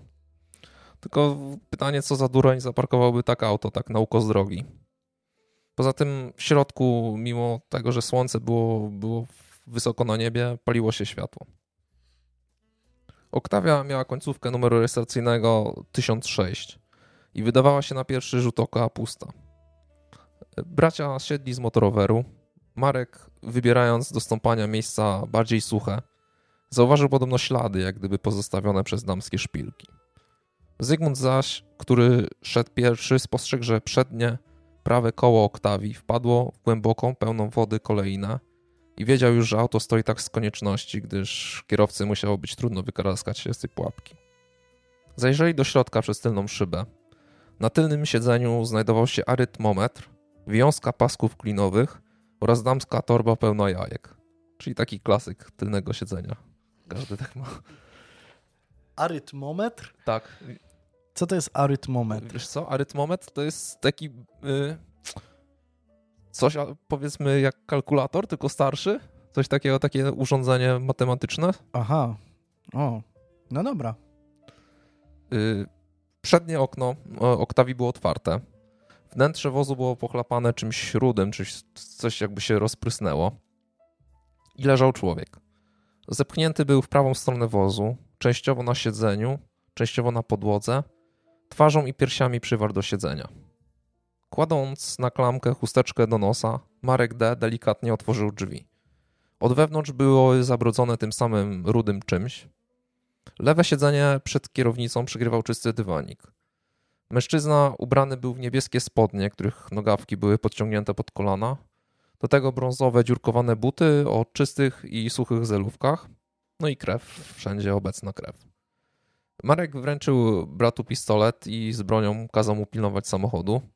Niczego nie dotykać, jak najmniej deptać, a sam poprzez ściernisko pobiegł do tych, co pracowali za górą, prosząc o wskazanie najbliższego telefonu. Okazało się, że jest takowy w Egierze Bielany, do którego pojechali wraz z robotnikami półciężarówką. Po drodze Marek, rozmawiając z rolnikami, dowiedział się, dowiedział się, że widzieli oni pod lasem samochód, ale czarny i duży. Ponadto widzieli także mężczyznę wysokiego, bardzo dobrej budowy, w towarzystwie kobiety ubranej w czarne spodnie. Ci, którzy ładowali owies na platformę, widzieli samochód, do którego wsiadało czterech mężczyzn. Nikt nie widział jednak wiśniowej oktawi. Po telefonie, kilkanaście minut po 17, zjawiła się na miejscu grupa operacyjna. Oficerowie śledczy i technicy dochodzeniowi pod nadzorem prokuratora obecnego na miejscu przystąpili do oględzin. We wnętrzu woza, wozu znaleziono za oparciem tylnego siedzenia wąż igielitowy, ołówek kopiowy, kodeks drogowy, składany wieszak i rolkę papieru toaletowego. Na tylnym siedzeniu brązową torbę damską z zawartością 32 jajek, arytmometr y, firmy Triumphator poplamiony krwią, do tego wiązkę pasków klinowych i wzornik mebli. Na podłodze, oparta o siedzenie, stała, stała teczka z brązowej skóry, zawierająca dokumenty związane z działalnością Biura Zbytu Drewna we Wrocławiu i jemu podległych ekspozytur w Wałbrzychu i Nowej Rudzie oraz leżał biały lniany ręcznik, zgnieciony i zakrwawiony. Na przednim siedzeniu, częściowo poza nim, plecami do góry, leżały zwłoki mężczyzny. Na przegubie jego ręki znajdował się zegarek Tissot, wskazujący dokładną godzinę. Na serdecznym palcu prawej ręki obrączka. W kieszeniach ubrania znaleziono portmonetkę z zawartością 93 zł, w tym 50 zł w, bank w banknocie i reszta w bilonie.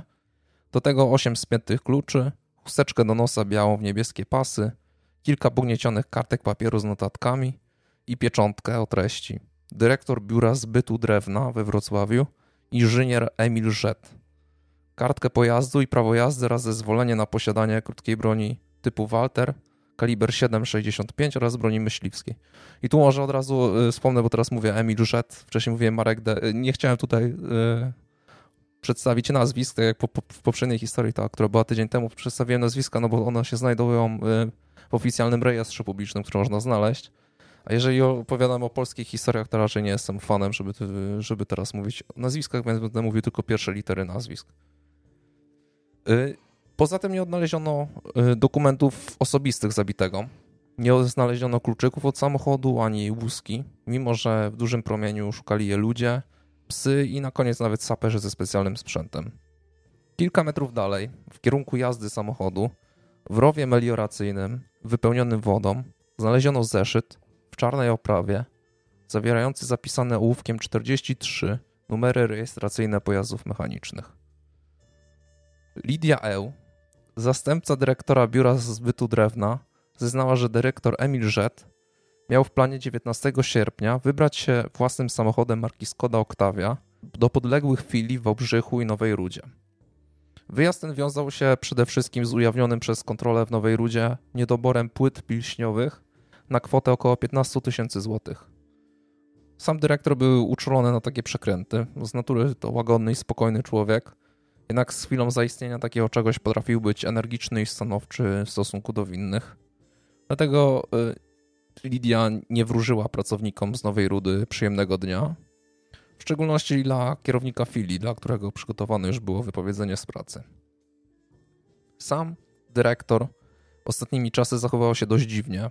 Był niespokojny, skarżył się na zdrowie, a gdy dyrekcja dzieliła premię i ktoś zaproponował posunięcie nie po jego myśli, miał powiedzieć: Następnym razem będziecie dzielić już beze mnie. Okazało się to prawdą, tylko pozostaje pytanie, kto mógł przyłożyć do tego rękę.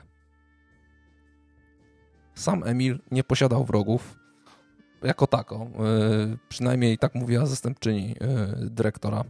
Nie znała ona nikogo, kto mógłby źle dyrektorowi życzyć. Fakt zabójstwa bardziej dopuszczał kierownik działu ekonomicznego Władysław K. Znalazł dość konkretny obiekt podejrzeń. Co prawda drugi po tych malwersantach z Nowej Rudy, ale według niego godny nie mniejszej uwagi. Otóż jeden z pracowników jego działu 20 sierpnia spóźnił się do pracy całe 15 minut. Był przy tym niewyspany albo przepity, także ogólnie bez formy. Poprosił o zwolnienie do godziny, 3, do godziny 13, na co kierownik przystał. Pracownik wrócił do pracy rzeczywiście o 13, tylko że już dnia następnego, czyli 21 sierpnia. No ale no nie powiedział mu dokładnie, którego dnia, no było nie tylko no. powiedziane, że 13. No, ale też wówczas był, był bardzo zmęczony. Także y, to zeznał kierownik i był, był dosyć niepocieszony, gdy ów pracownik nie został aresztowany po tak mocnych zeznaniach, mocno obciążających zeznaniach. Ponadto, ponadto ten kierownik Władysław powiedział do protokołu również, iż dyrektor nie zawsze wyjeżdżał służbowo sam, a zabierał czasami Lidię, i tutaj cytuję, nie jestem w stanie stwierdzić, czy wyjazdy te miały charakter służbowy obydwu tych osób, czy też łączyły ich jakieś stosunki towarzyskie. Nie towarzyski jednak okazał się y, w zeznaniach małżonki Wandy. Y, według niej grono przyjaciół i znajomych małżonka było nieliczne, ściśle określone i pewne. Byli to ludzie wykształceni i prawi. Dodała, e, iż mąż od jakiegoś czasu się bał. Podobno otrzymywał skrzeczące telefony z jednym słowem: umrzesz. Dlatego to dyrektor starał się o pozwolenie na broń i nie rozstawał się z pistoletem Walter. Ostatnimi czasy jednak nie wyjmował go już podobno z biurka i leżał on bezpiecznie w biurku. W dniu 19 sierpnia około godziny 5.30 wyjeżdżając do Nowej Rudy i Wałbrzycha, wziął ze znajdujących się w domu oszczędności 5000 zł, aby za tą sumę kupić jej y, z okazji zbliżającej się rocznicy ślubu złotą bransoletkę, o której jego żona od dawna marzyła. Pieniądze włożył do portfela z dokumentami, który na co dzień nosił. Żona potwierdziła, iż Skoda jest własnością męża, a jako nieznane sobie wskazała jedynie arytmometr oraz damską torebkę z zawartością 32 jajek. Po rozpytaniu wszelkich osób związanych jakby z miejscem pracy, jak i rodziną, śledczy zaczęli rozglądać się za wspomnianym portfelem zawierającym 5000 złotych bo przyjmując nawet, że kasa poszła na, na zakup tego, tej obrączki, to jednak powinien zostać chociaż sam portfel i dokumenty. Także rozpoczęto baczną inwigilację typów spod ciemnej gwiazdy. Przeprowadzono dziesiątki przesłuchań, wywiadów, obserwacji. Na biurkach inspektorów gromadziły się dziesiątki kart protokołów, y, setki notatek. W ramach tych przesłuchań ustalono, iż w Wałbrzychu dyrektor przyjechał i odkrył niefakturowaną przesyłkę płyt pilśniowych z Nowej Rudy.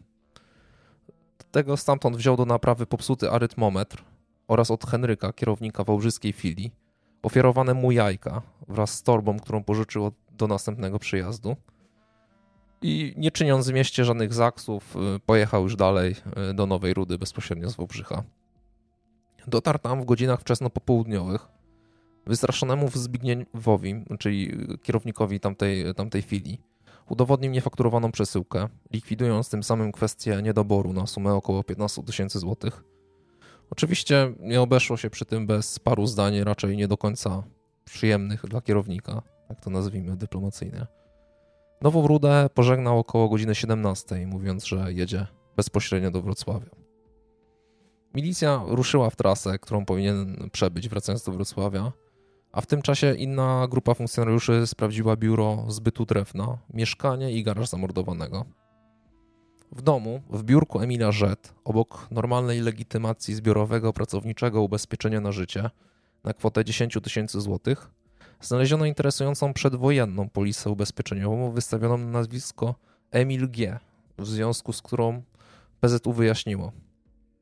Informujemy, że przed paroma miesiącami obywatel Emil Rzet zgłosił się telefonicznie do dyrektora oddziału wojewódzkiego PZU we Wrocławiu zapytaniem, jaka jest zasada realizacji zobowiązań z ubezpieczeń na życie zawartych w prywatnych towarzystwach ubezpieczeniowych w okresie międzywojennym w walutach obcych względnie w złotych, ponieważ jest posiadanie takiej polisy ubezpieczeniowej.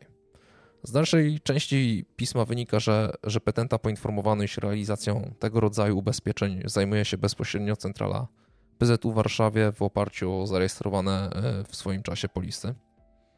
Przy okazji dowiedziano się, że inżynier Emil Rzet, podając się za jedynego i prawnego spadkobiercę Emila G., próbował posiadaną i ważną polisę zrealizować. Udowodniono mu jednak czarno na białym, że Emil G. to tak naprawdę on sam, tylko przed laty.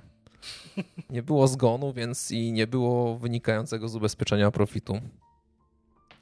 Czyżby więc tutaj jakby dopatrywać się morderstwa, no, biorąc pod uwagę y, rodzinę, której ta śmierć umożliwiłaby realizację intratnej polisy.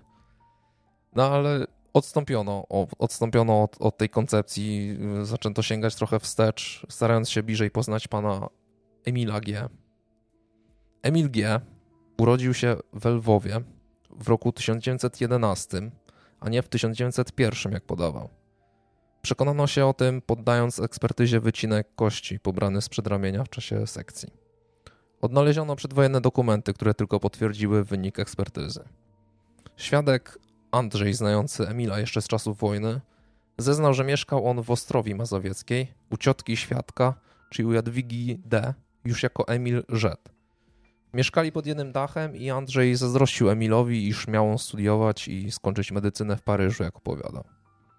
W Ostrowi nie praktykował jednak, pracował w tartaku, stanowiącym własność Niemców. Zatrudniony był w charakterze mm, takiego wczesnego jakby brygadzisty.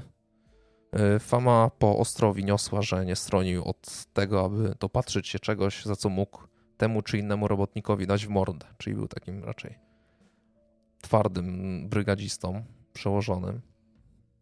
Uchodził jednak za wzorowego nadzorcę, dopóki nagle zniknął. Stało się to wtedy, gdy ktoś odkrył i doniósł, że Emil Żet jest Żydem. Ciotkę świadka Andrzeja P. aresztowano i rozstrzelano za przechowywanie Emila, a ten sam zniknął.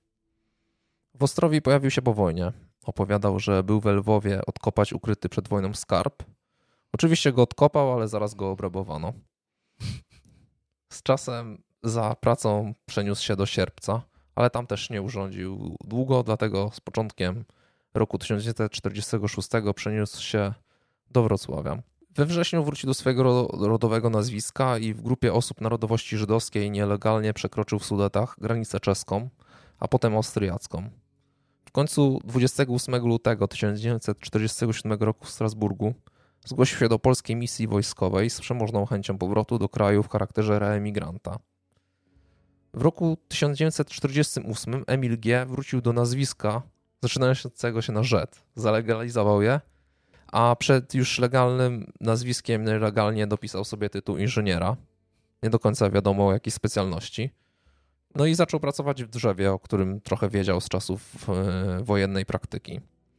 Tutaj w końcu doczłapał się do dyrektorskiego fotela, na którym podobno koniec końców bardzo dobrze się sprawdzał. Jednak żył w ciągłym strachu, że demony przeszłości wrócą ze zdwojoną siłą. Wracając do samej sprawy, przeprowadzono wiele eksperymentów. Ustalono, iż w takim położeniu zwłok można było dalej prowadzić samochód bez żadnych utrudnień.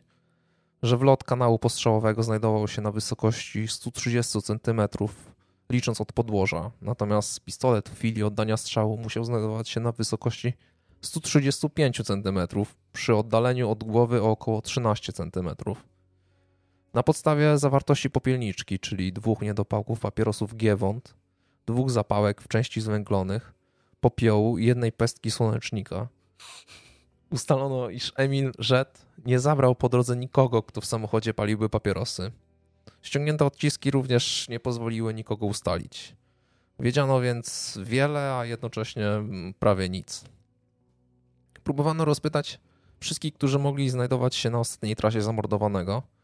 Nie dało to jednak efektów. Niektórzy rozpoznali w Emiliu tego, który podobno tak ostro pił wódkę, że nawet no, że za nic miał zawyżony rachunek, jakby, który opiewał na niebagatelną sumę 800 zł. To w jednej restauracji, ktoś w innej restauracji go widział, jak niby konszachtował z jakimiś typami spod ciemnej gwiazdy na temat szpiegostwa. Jednak wszystkie te, te historie okazały się totalną bójdą.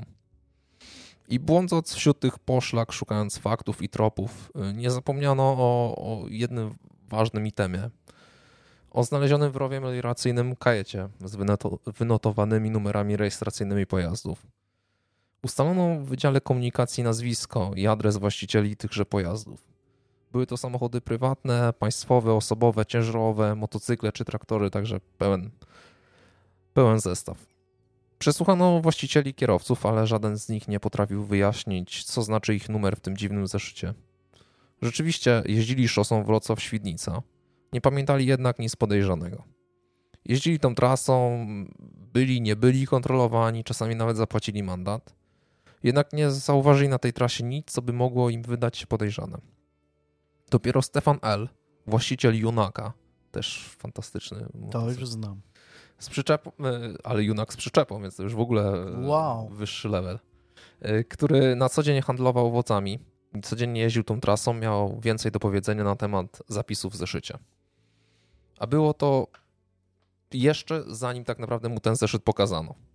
Zeznawał 27 sierpnia, czyli w ósmym dniu po dokonaniu zabójstwa. W lipcu, około godziny 17, na szosie Wrocław-Świdnica Stefan L. ściął trochę zakręt. No w sensie jakby wjechał na, na drugi pas ruchu. No to z zakrzaka wyszedł mężczyzna i, i tarczą do zatrzymania pojazdu, tym takim tym lizakiem potocznie mówiąc, dał znak do zatrzymania. I Stefan L. podał do protokołu. Mężczyzna ten wyglądał następująco. Wzrost niski, około 160 cm, szczupłej budowy ciała, twarz pociągła, włosy czarne, proste, cara śniada, ubrany w spodnie i kurtkę skórzaną, do pasa koloru brązowego zapinaną na zamek błyskawiczny. Kołnierz kurtki był obszyty wełnianym zakończeniem koloru brązowego. W czasie kontroli ten mężczyzna zawołał świadka na polną drogę koło rowu, wręcz w sumie do samego rowu, gdzie usiadł na trawie. Wyjął zeszyt i ołówkiem coś spisywał z dokumentów.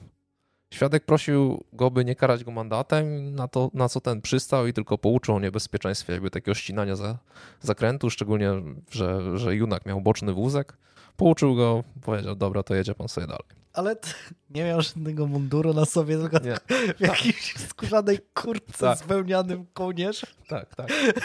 I, I, usiadł sobie w, w rowie i spisywał te dokumenty, wiesz. Ale nie wydało się to żadnym problemem, więc... Obecnie chyba, e, znaczy w ogóle m, mm, warto też przestrzec naszych e, słuchaczy, e, to znaczy ty chyba jesteś specjalistą w tej kwestii, ale jeśli policjant nie mm, wylegitymuje się, tak, no to mamy prawo jakby nawet się nie zatrzymywać, tak? Na, na, no jeśli wyjdzie chłop z z lizakiem, to co powinniśmy zrobić? W, w obszarze zabudowanym mhm to możesz być, yy, wiesz, nieumundurowany i zatrzymać pojazd, tak? nie? Poza no ale przykład, musisz nie? się wylegitymować, rozumiem, Znaczy tak? tak. Yy, normal, w normalnej sytuacji, normalnej interwencji, jeżeli jest umundurowany policjant, to nie musi przedstawić legitymacji. No bo są ale też ruchu, te wersje, że powinien ale, mieć czapkę, czy, czy ale coś w, takiego, w, w, ruchu drogowym, w ruchu drogowym jest obowiązek na, na żądanie. Na przykład, jeżeli żądasz... Yy, okazanie legitymacji służbowej, to y, policjant, który ma y, mundur na sobie, to musi, powinien ci tą legitymację okazać. A jeżeli jest to policjant nieumundurowany, to on musi ci ją okazać, nie? Mhm. Przed, y, przed samą kontrolą okazuje ci i dopiero, dopiero tą kontrolę przeprowadza. No właśnie. No więc... Czapkę powinieneś mieć cały czas na głowie, o, tak oficjalnie, na, jeżeli jesteś poza, mhm. Jeżeli... Czyli co, jeśli nie ma czapki, to znaczy tak jakby nie miał mundurowania, tak? Teoretycznie. No, teoretycznie powinien mieć czapkę. No. Powinien mieć czapkę na głowie. No, e, więc jeśli wyjdzie chłop w skórzanej kurce i was będzie zatrzymywał, to nie bądźcie tacy ufni. Może to być policjant, ale nie musi. No widzisz, a no tutaj y, był akurat Stefan był, był bardzo ufny. Szczególnie, że następnego dnia, no w sumie dwa dni później, doszło do podobnej sytuacji w tym samym miejscu mimo że kierujący już jechał jak sam Bóg i kodeks przykazał. Poznali się i mężczyzna, y, ten mężczyzna zdrowu, tak go nazwijmy, poprosił o podwózkę do Wrocławia. Stefan początkowo się wahał, bo zatrzymujący go mężczyzna nie posiadał kasku. Ten jednak go przekonał, że jest z komendy, nie ma co się cykać i rozsiadł się na tylnym siedzeniu. No, nie mógł usiąść w koszu bocznym, bo tam były śliwki. Jezu, te polskie sprawy są piękne, nie? Także jadąc, jadąc do, do Wrocławia, zatrzymał ich patrol drogowy Milicji Obywatelskiej i tam za przewożenie pasażera bez kasku Stefan zapłacił 50-złotowy mandat. Stefan próbował się tłumaczyć, że ten mężczyzna kontrolował go i myślał, że jest milicjantem i dlatego go wziął bez kasku. No ale no, na nic się to zdało. Y, na pytanie, kim jest, że kontroluje pojazdy, ten NN mężczyzna odpowiedział, że jest członkiem ORMO i wspólnie z sierżantem Grubym kontrolują pojazdy na tej trasie. Każdy ma kolegę grubego. O Boże. Legitymacji przy sobie nie posiadał, tłumacząc oczywiście, że nie zabrał jej ze sobą z domu, nie? Mimo, mimo złości jakby wywołanej mandatem, e, Stefan podwiózł mężczyznę tam, gdzie chciał, czyli na skrzyżowanie ulic Jedności Narodowej Stanisława Dybuła. Tam się rozstali, nie spotkali nigdy więcej, no ale zadra w sercu została Stefana, więc zapamiętał go już na, na całe życie. Stefan y, w zeszycie okazanym mu przez śledczych rozpoznał zeszyt mężczyzny, który kosztował go te 50 zł. Zebrano go na trasę, by pokazał, gdzie dochodziło do tych przedmiotowych zatrzymań.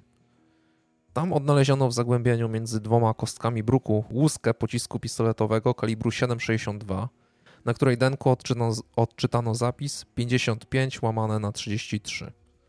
Szybko ustalono, iż znaleziona łuska, jak i pocisk wyjęty z mózgu zamordowanego stanowiły kiedyś jedną całość. Do ustalenia mężczyzny, którego był w stanie rozpoznać Stefan L., wezwano dzielnicowych. Na odprawie w komendzie wojewódzkiej zameldowało się ich około 200. Po przeczytaniu rysopisu jeden z nich wstał i zameldował, że tak wyglądającego i tak ubierającego się obywatela to on zna. I nazywa się on Stanisław Eś i mieszka na ulicy Dubuła, jest on dzielnicowemu od dawna podejrzany z racji, że, i tu cytat, ma za dużo czasu. uwielbiam, uwielbiam po prostu, kurwa, te śliwki, nie? No tak, podejrzany, bo ma za, za dużo czasu, no. no. Stefan L. widząc zdjęcia Stanisława Eś nie miał żadnych wątpliwości, że to właśnie on. Wydobyto jego próbki pisma z poprzedniego miejsca pracy w postaci podania o pracę i przedłożono ekspertyzie grafologicznej, która jasno ustaliła, że dokumenty, jakby te, które składał do pracy, jakiś spis w zeszyciku, były pisane jedną i tą samą ręką. 31 sierpnia 1964 roku z nakazu prokuratora przeprowadzono przeszukanie w mieszkaniu numer 11. Znaleziono tam m.in. cztery tarcze do zatrzymywania pojazdów, tak zwane lizaki. Do tego bagnet wojskowy francuski. Nie, nie był, nie był francuski, to był bagnet, bagnet wojskowy z pochwą. Ponadto w piwnicy z uszkodzonej ściany przewodu kominowego dobyto pistolet typu tetetka kaliber 7,62 wzór 33. Broń poddano oględzinom i ekspertyzie. Ustalono, iż pistolet ten w 1948 roku zaginął wraz z Władysławem B., posądzonym o dezercję z szeregów MO. Na podstawie uszkodzeń pistoletu, stanu wnętrza lufy, ponad wszelką wątpliwość udowodniono, że łuska znaleziona na szosie i pocisk wydobyty z mózgu Denata wystrzelone zostały właśnie z badanej broni. Stanisław Eś, urodzony 13 września 1927 roku w Karolinie, powiat Włoszczowa, przesłuchany został w 12 dniu śledztwa. Podejrzany po ukończeniu dziewięciu klas szkoły w roku 1948 Podjął naukę zawodu fryzjerskiego. Pracował tylko rok i zatrudnił się w ośrodku pracy więźniów w Lassowie, gdzie doglądał więziennych pracowników. Później nadzorować już musiano jego samego, bo zaczął siedzieć za wielokrotne kradzieże, czy też nielegalne posiadanie broni, którą podobno na zabawie ukradł jednemu z oficerów. W 1960 roku w końcu skończył tą penitencjarną podróż i ożenił się z fryzjerką Teresą. Jednak to małżeństwo nie było szczęśliwe i trwało tylko rok. Rozwódka zeznała, że, i tu cytuję, pożycie układało się źle, ponieważ Stanisław nie pracował nigdzie, nie dawał na życie pieniędzy, Przychodził do domu pijany, robił awantury, a nie, niejednokrotnie pobił mnie. W 1963 roku ożenił się ponownie, ale i tutaj nie było zbyt różowo, chociaż podobno o wiele mniej pił.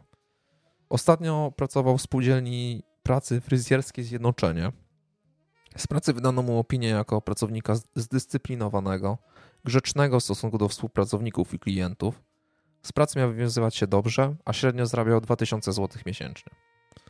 Stanisław zeznał, że w lipcu wybrał się na wycieczkę do Sobótki i miał ze sobą przedmiotowy zeszyt. W kiosku kupił bułkę z serem i siedząc w rowie na skraju miasteczka jadł.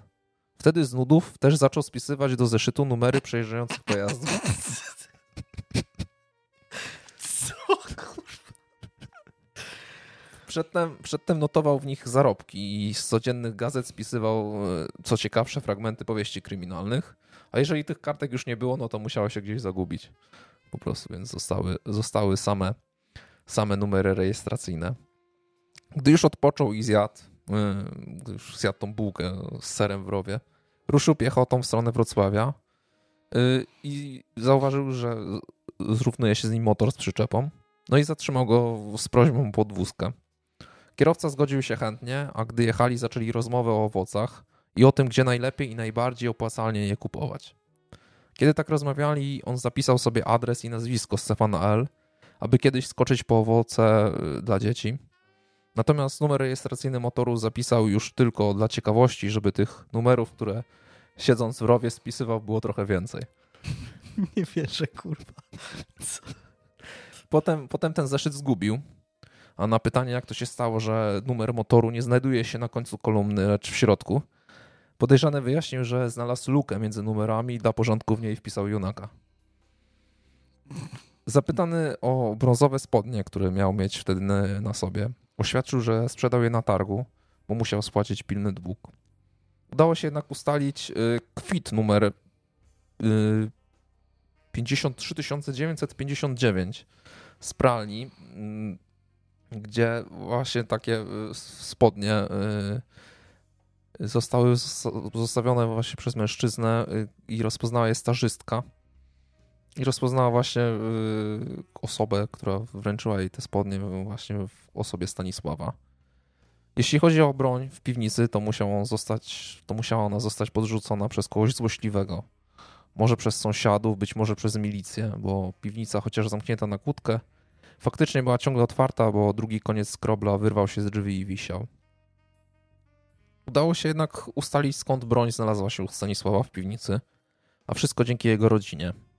Brat Julian był zatrudniony w spółdzielni prac robót wodno-melioracyjnych we Wrocławiu. Pracował przy oczyszczaniu fosy miejskiej, a przy robocie odwiedzał go Stanisław. W rozmowie dochodziło do wymiany informacji na temat tego, co można znaleźć w tej grubej warstwie szlamu. A znaleźć tam można było prawie wszystko, bo można było znaleźć amunicję, pociski, miny, bomby, broń krótką, karabiny czy zegarki. Po takiej rozmowie Stanisław zaproponował, aby w przypadku znalezienia pistoletu przynieść mu go do domu. I tak się wkrótce stało. Znaleziony pistolet został odrzucony na bok, aby zajęli się nim saperzy. Jednak dość szybko chapnął go Julian i razem z, z bratem oskrobali broń z tego całego szlamu. I udało im się po prostu, mimo tego, że ona była w dosyć dużym stopniu uszkodzona, no to cały czas była sprawna. Wreszcie 18 września podejrzany oświadczył. Odnośnie pistoletu w całej rozciągłości potwierdzam zeznania złożone na temat pistoletu przez mojego brata Juliana. Od tej chwili będę wyjaśniał wszystko zgodnie ze rzeczywistością, bo pistolet i zeszyt w rękach prowadzącego śledztwo i tak stanowią podstawę do skazania mnie. To mnie rozbawiło trochę, jak to przeczytałem. Mówię, przecież tak ludzie nie mówią. Nie, nie wiem, jak, jak. No może się po prostu zastanowił nad swoim życiem że, że, że, że, że powinien teraz mówić prawdę.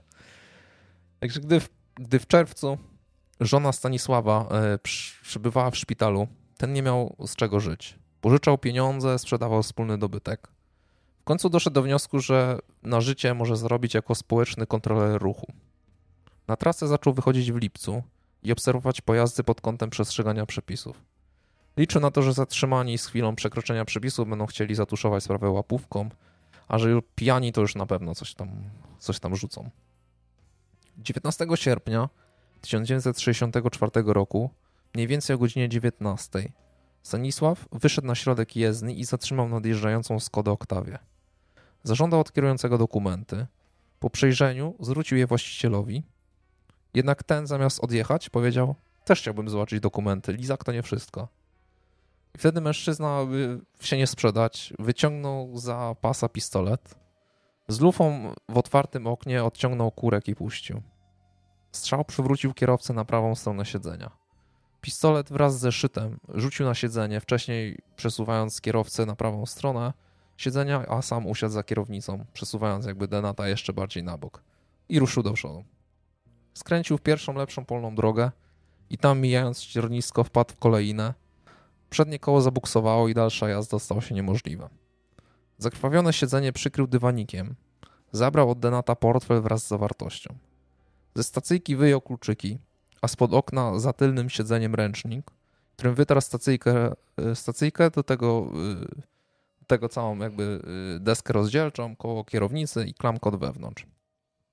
Wyszedł, zabierając ze sobą zeszyt i broń, wytarł ręcznikiem zewnętrzną część pojazdu i cisnął nim do środka na tylne siedzenie. Zeszyt po jakimś czasie wyrzucił, a sam udał się piechotą w kierunku Wrocławia. I cytując Stanisława, po opuszczeniu tegoż samochodu i zorientowaniu się, że kierowca nie żyje, bardzo się zmartwiłem. I nawet zamierzałem popełnić samobójstwo. Idąc jednak w stronę miasta, wypaliłem papierosa i nieco się uspokoiłem. Przez cały ten czas padał deszcz, a o 19.35 przeszła burza z wykładowaniami. Przechodząc przez las i miejscowości na końcowym przystanku wsiadł do, do autobusu linii numer 7 i pojechał do domu. Tam w piwnicy schował broń, a z pieniędzy, które znajdowały się w portfelu, pospłacał swoje długi. Parę dni później oddał też do pralni spodnie. I skończyło się tak, jak można się spodziewać, że się skończyło. Skończyło się skazaniem w trybie, w trybie doraźnym. I skończyło się, no niestety, karą śmierci oraz utratą praw publicznych i obywatelskich, praw honorowych, co jest najważniejsze. O ja. I to jest koniec mojej historii. I tu, się, i tu właśnie chciałem ci pokazać, że widzisz, że można, można sprawdzać gościa pod kątem, wiesz, szpiegostwa jakiegoś. Tu gdzieś był w Lwowie, tu szukasz, szukasz czegoś takiego naprawdę grubego, a tu się okazuje, że jest, jest jednak chłop chłopa, nie? Koniec końców. Więc no, może u ciebie też będzie tak, znaczy... że ty tam szukasz siedem teorii, mm. a ósma będzie taka, że po prostu no. Kościół poszedł sobie... Czy wiesz, ja też jestem zdania, że w ogóle we wszystkich takich e, rzeczach jestem zdania, że najlepiej trzymać się jak najbliżej ziemi, nie? Mhm. żeby nie doszukiwać się spisku Żydów, masonów i nie wiem, płaskoziemców czy służb specjalnych Mossadu współpracującego z CIA. E, z tym, że akurat w tej sytuacji mojej gdzieś no koleś, no albo miał takiego fuksa, że wyjął Lugera, którego znalazł, nie wiem, na trawniku obok, zaczął z niego no ale, strzelać. Ale, ale widzisz, tutaj można było, można było znaleźć tę tetkę w rowie, nie? I mm. też ją można sobie było tylko obczyścić gdzieś tam w piwnicy, tak, tak, tak. opukać.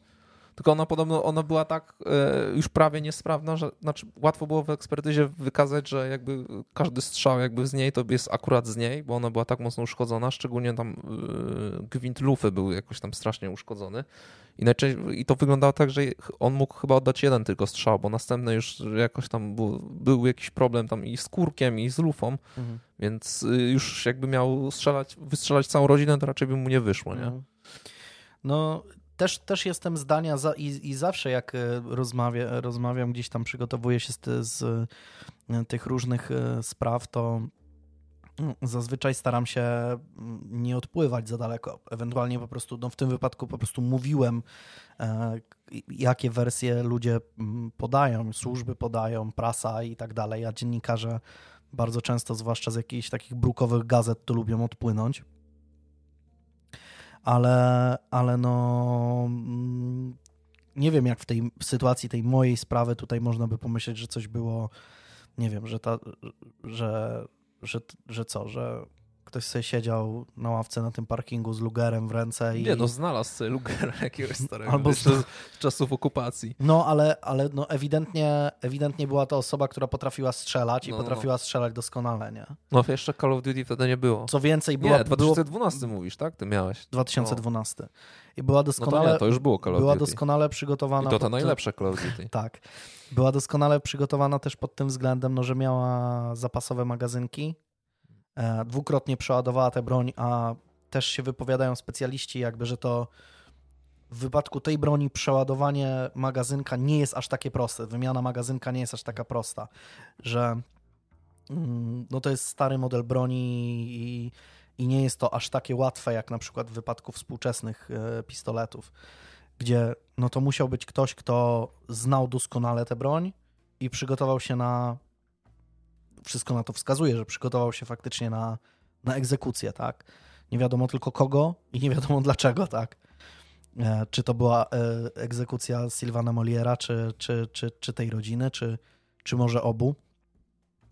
Nie wiem, nie wiem. Też chciałbym znaleźć jakąś taką logiczne wytłumaczenie, ale żadne dla mnie nie jest Czyli logiczne. nie tak? wiem, ale nawet się nie domyślam. No, no na dobrą sprawę tak. No. I, i, i, i, i no nie wiem, no mo, mo- może w komentarzach e, rozwiążecie tę zagadkę. Musisz ankietę zrobić z tymi siedmioma teoriami, która O. teoria wygra. O, może tak, no. Może tak, zobaczymy. E, Sam Jak nie wiem, Bozia da. s- sam nie wiem na, na jaką opcję ja sam zagłosuję. E, dobra, a jeśli chodzi o zdjęcia, ja zawsze lubię zdjęcia w ogóle. Właśnie, wiesz co? Są no właśnie, zdjęcia? Nie, no właśnie tu nie w ogóle nie ma? Bo e, to jest historia głównie, opierałem się głównie na Pitawalu starym, nie? Mhm. I w internecie totalnie nie ma zdjęć, w książce też nie ma totalnie zdjęć. Y, Więc chyba tylko ryś będzie stawiony. No, coś, coś ten, coś, coś w takim razie wymyślimy. Chyba, że mam znowu mapkę zrobić. O, y, no, ty jesteś dużo lepszy w mapkach niż, niż ja. Więc, więc może tak. Ale też jest, to znaczy wiadomo, gdzie dokładnie to się wydarzyło, Tak, czy, tak, tak, czy tak, tak, tak. mniej więcej tylko? Tak, tak, tak. Wiadomo dokładnie. tak. Y, Tam y, nawet wskazałem Tyniec Mały, tam Mhm. y, Bielany, Wrocławskie, te rejony, tam jest No. jakiś lasek. Znaczy No to był s- przynajmniej lasek. Mhm. No tam teraz powinno być San Francisco, tak jak mówiliśmy. No tak. Więc tam gdzieś koło San Francisco to będzie.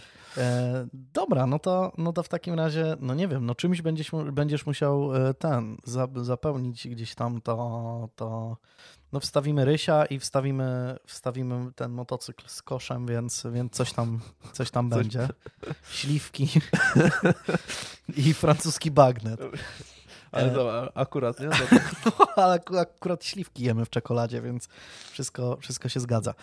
E, dobra, no to w takim razie w takim razie źródła oczywiście znajdziecie w opisie pod filmem na YouTubie i e, w mm, zapowiedzi filmu na Facebooku.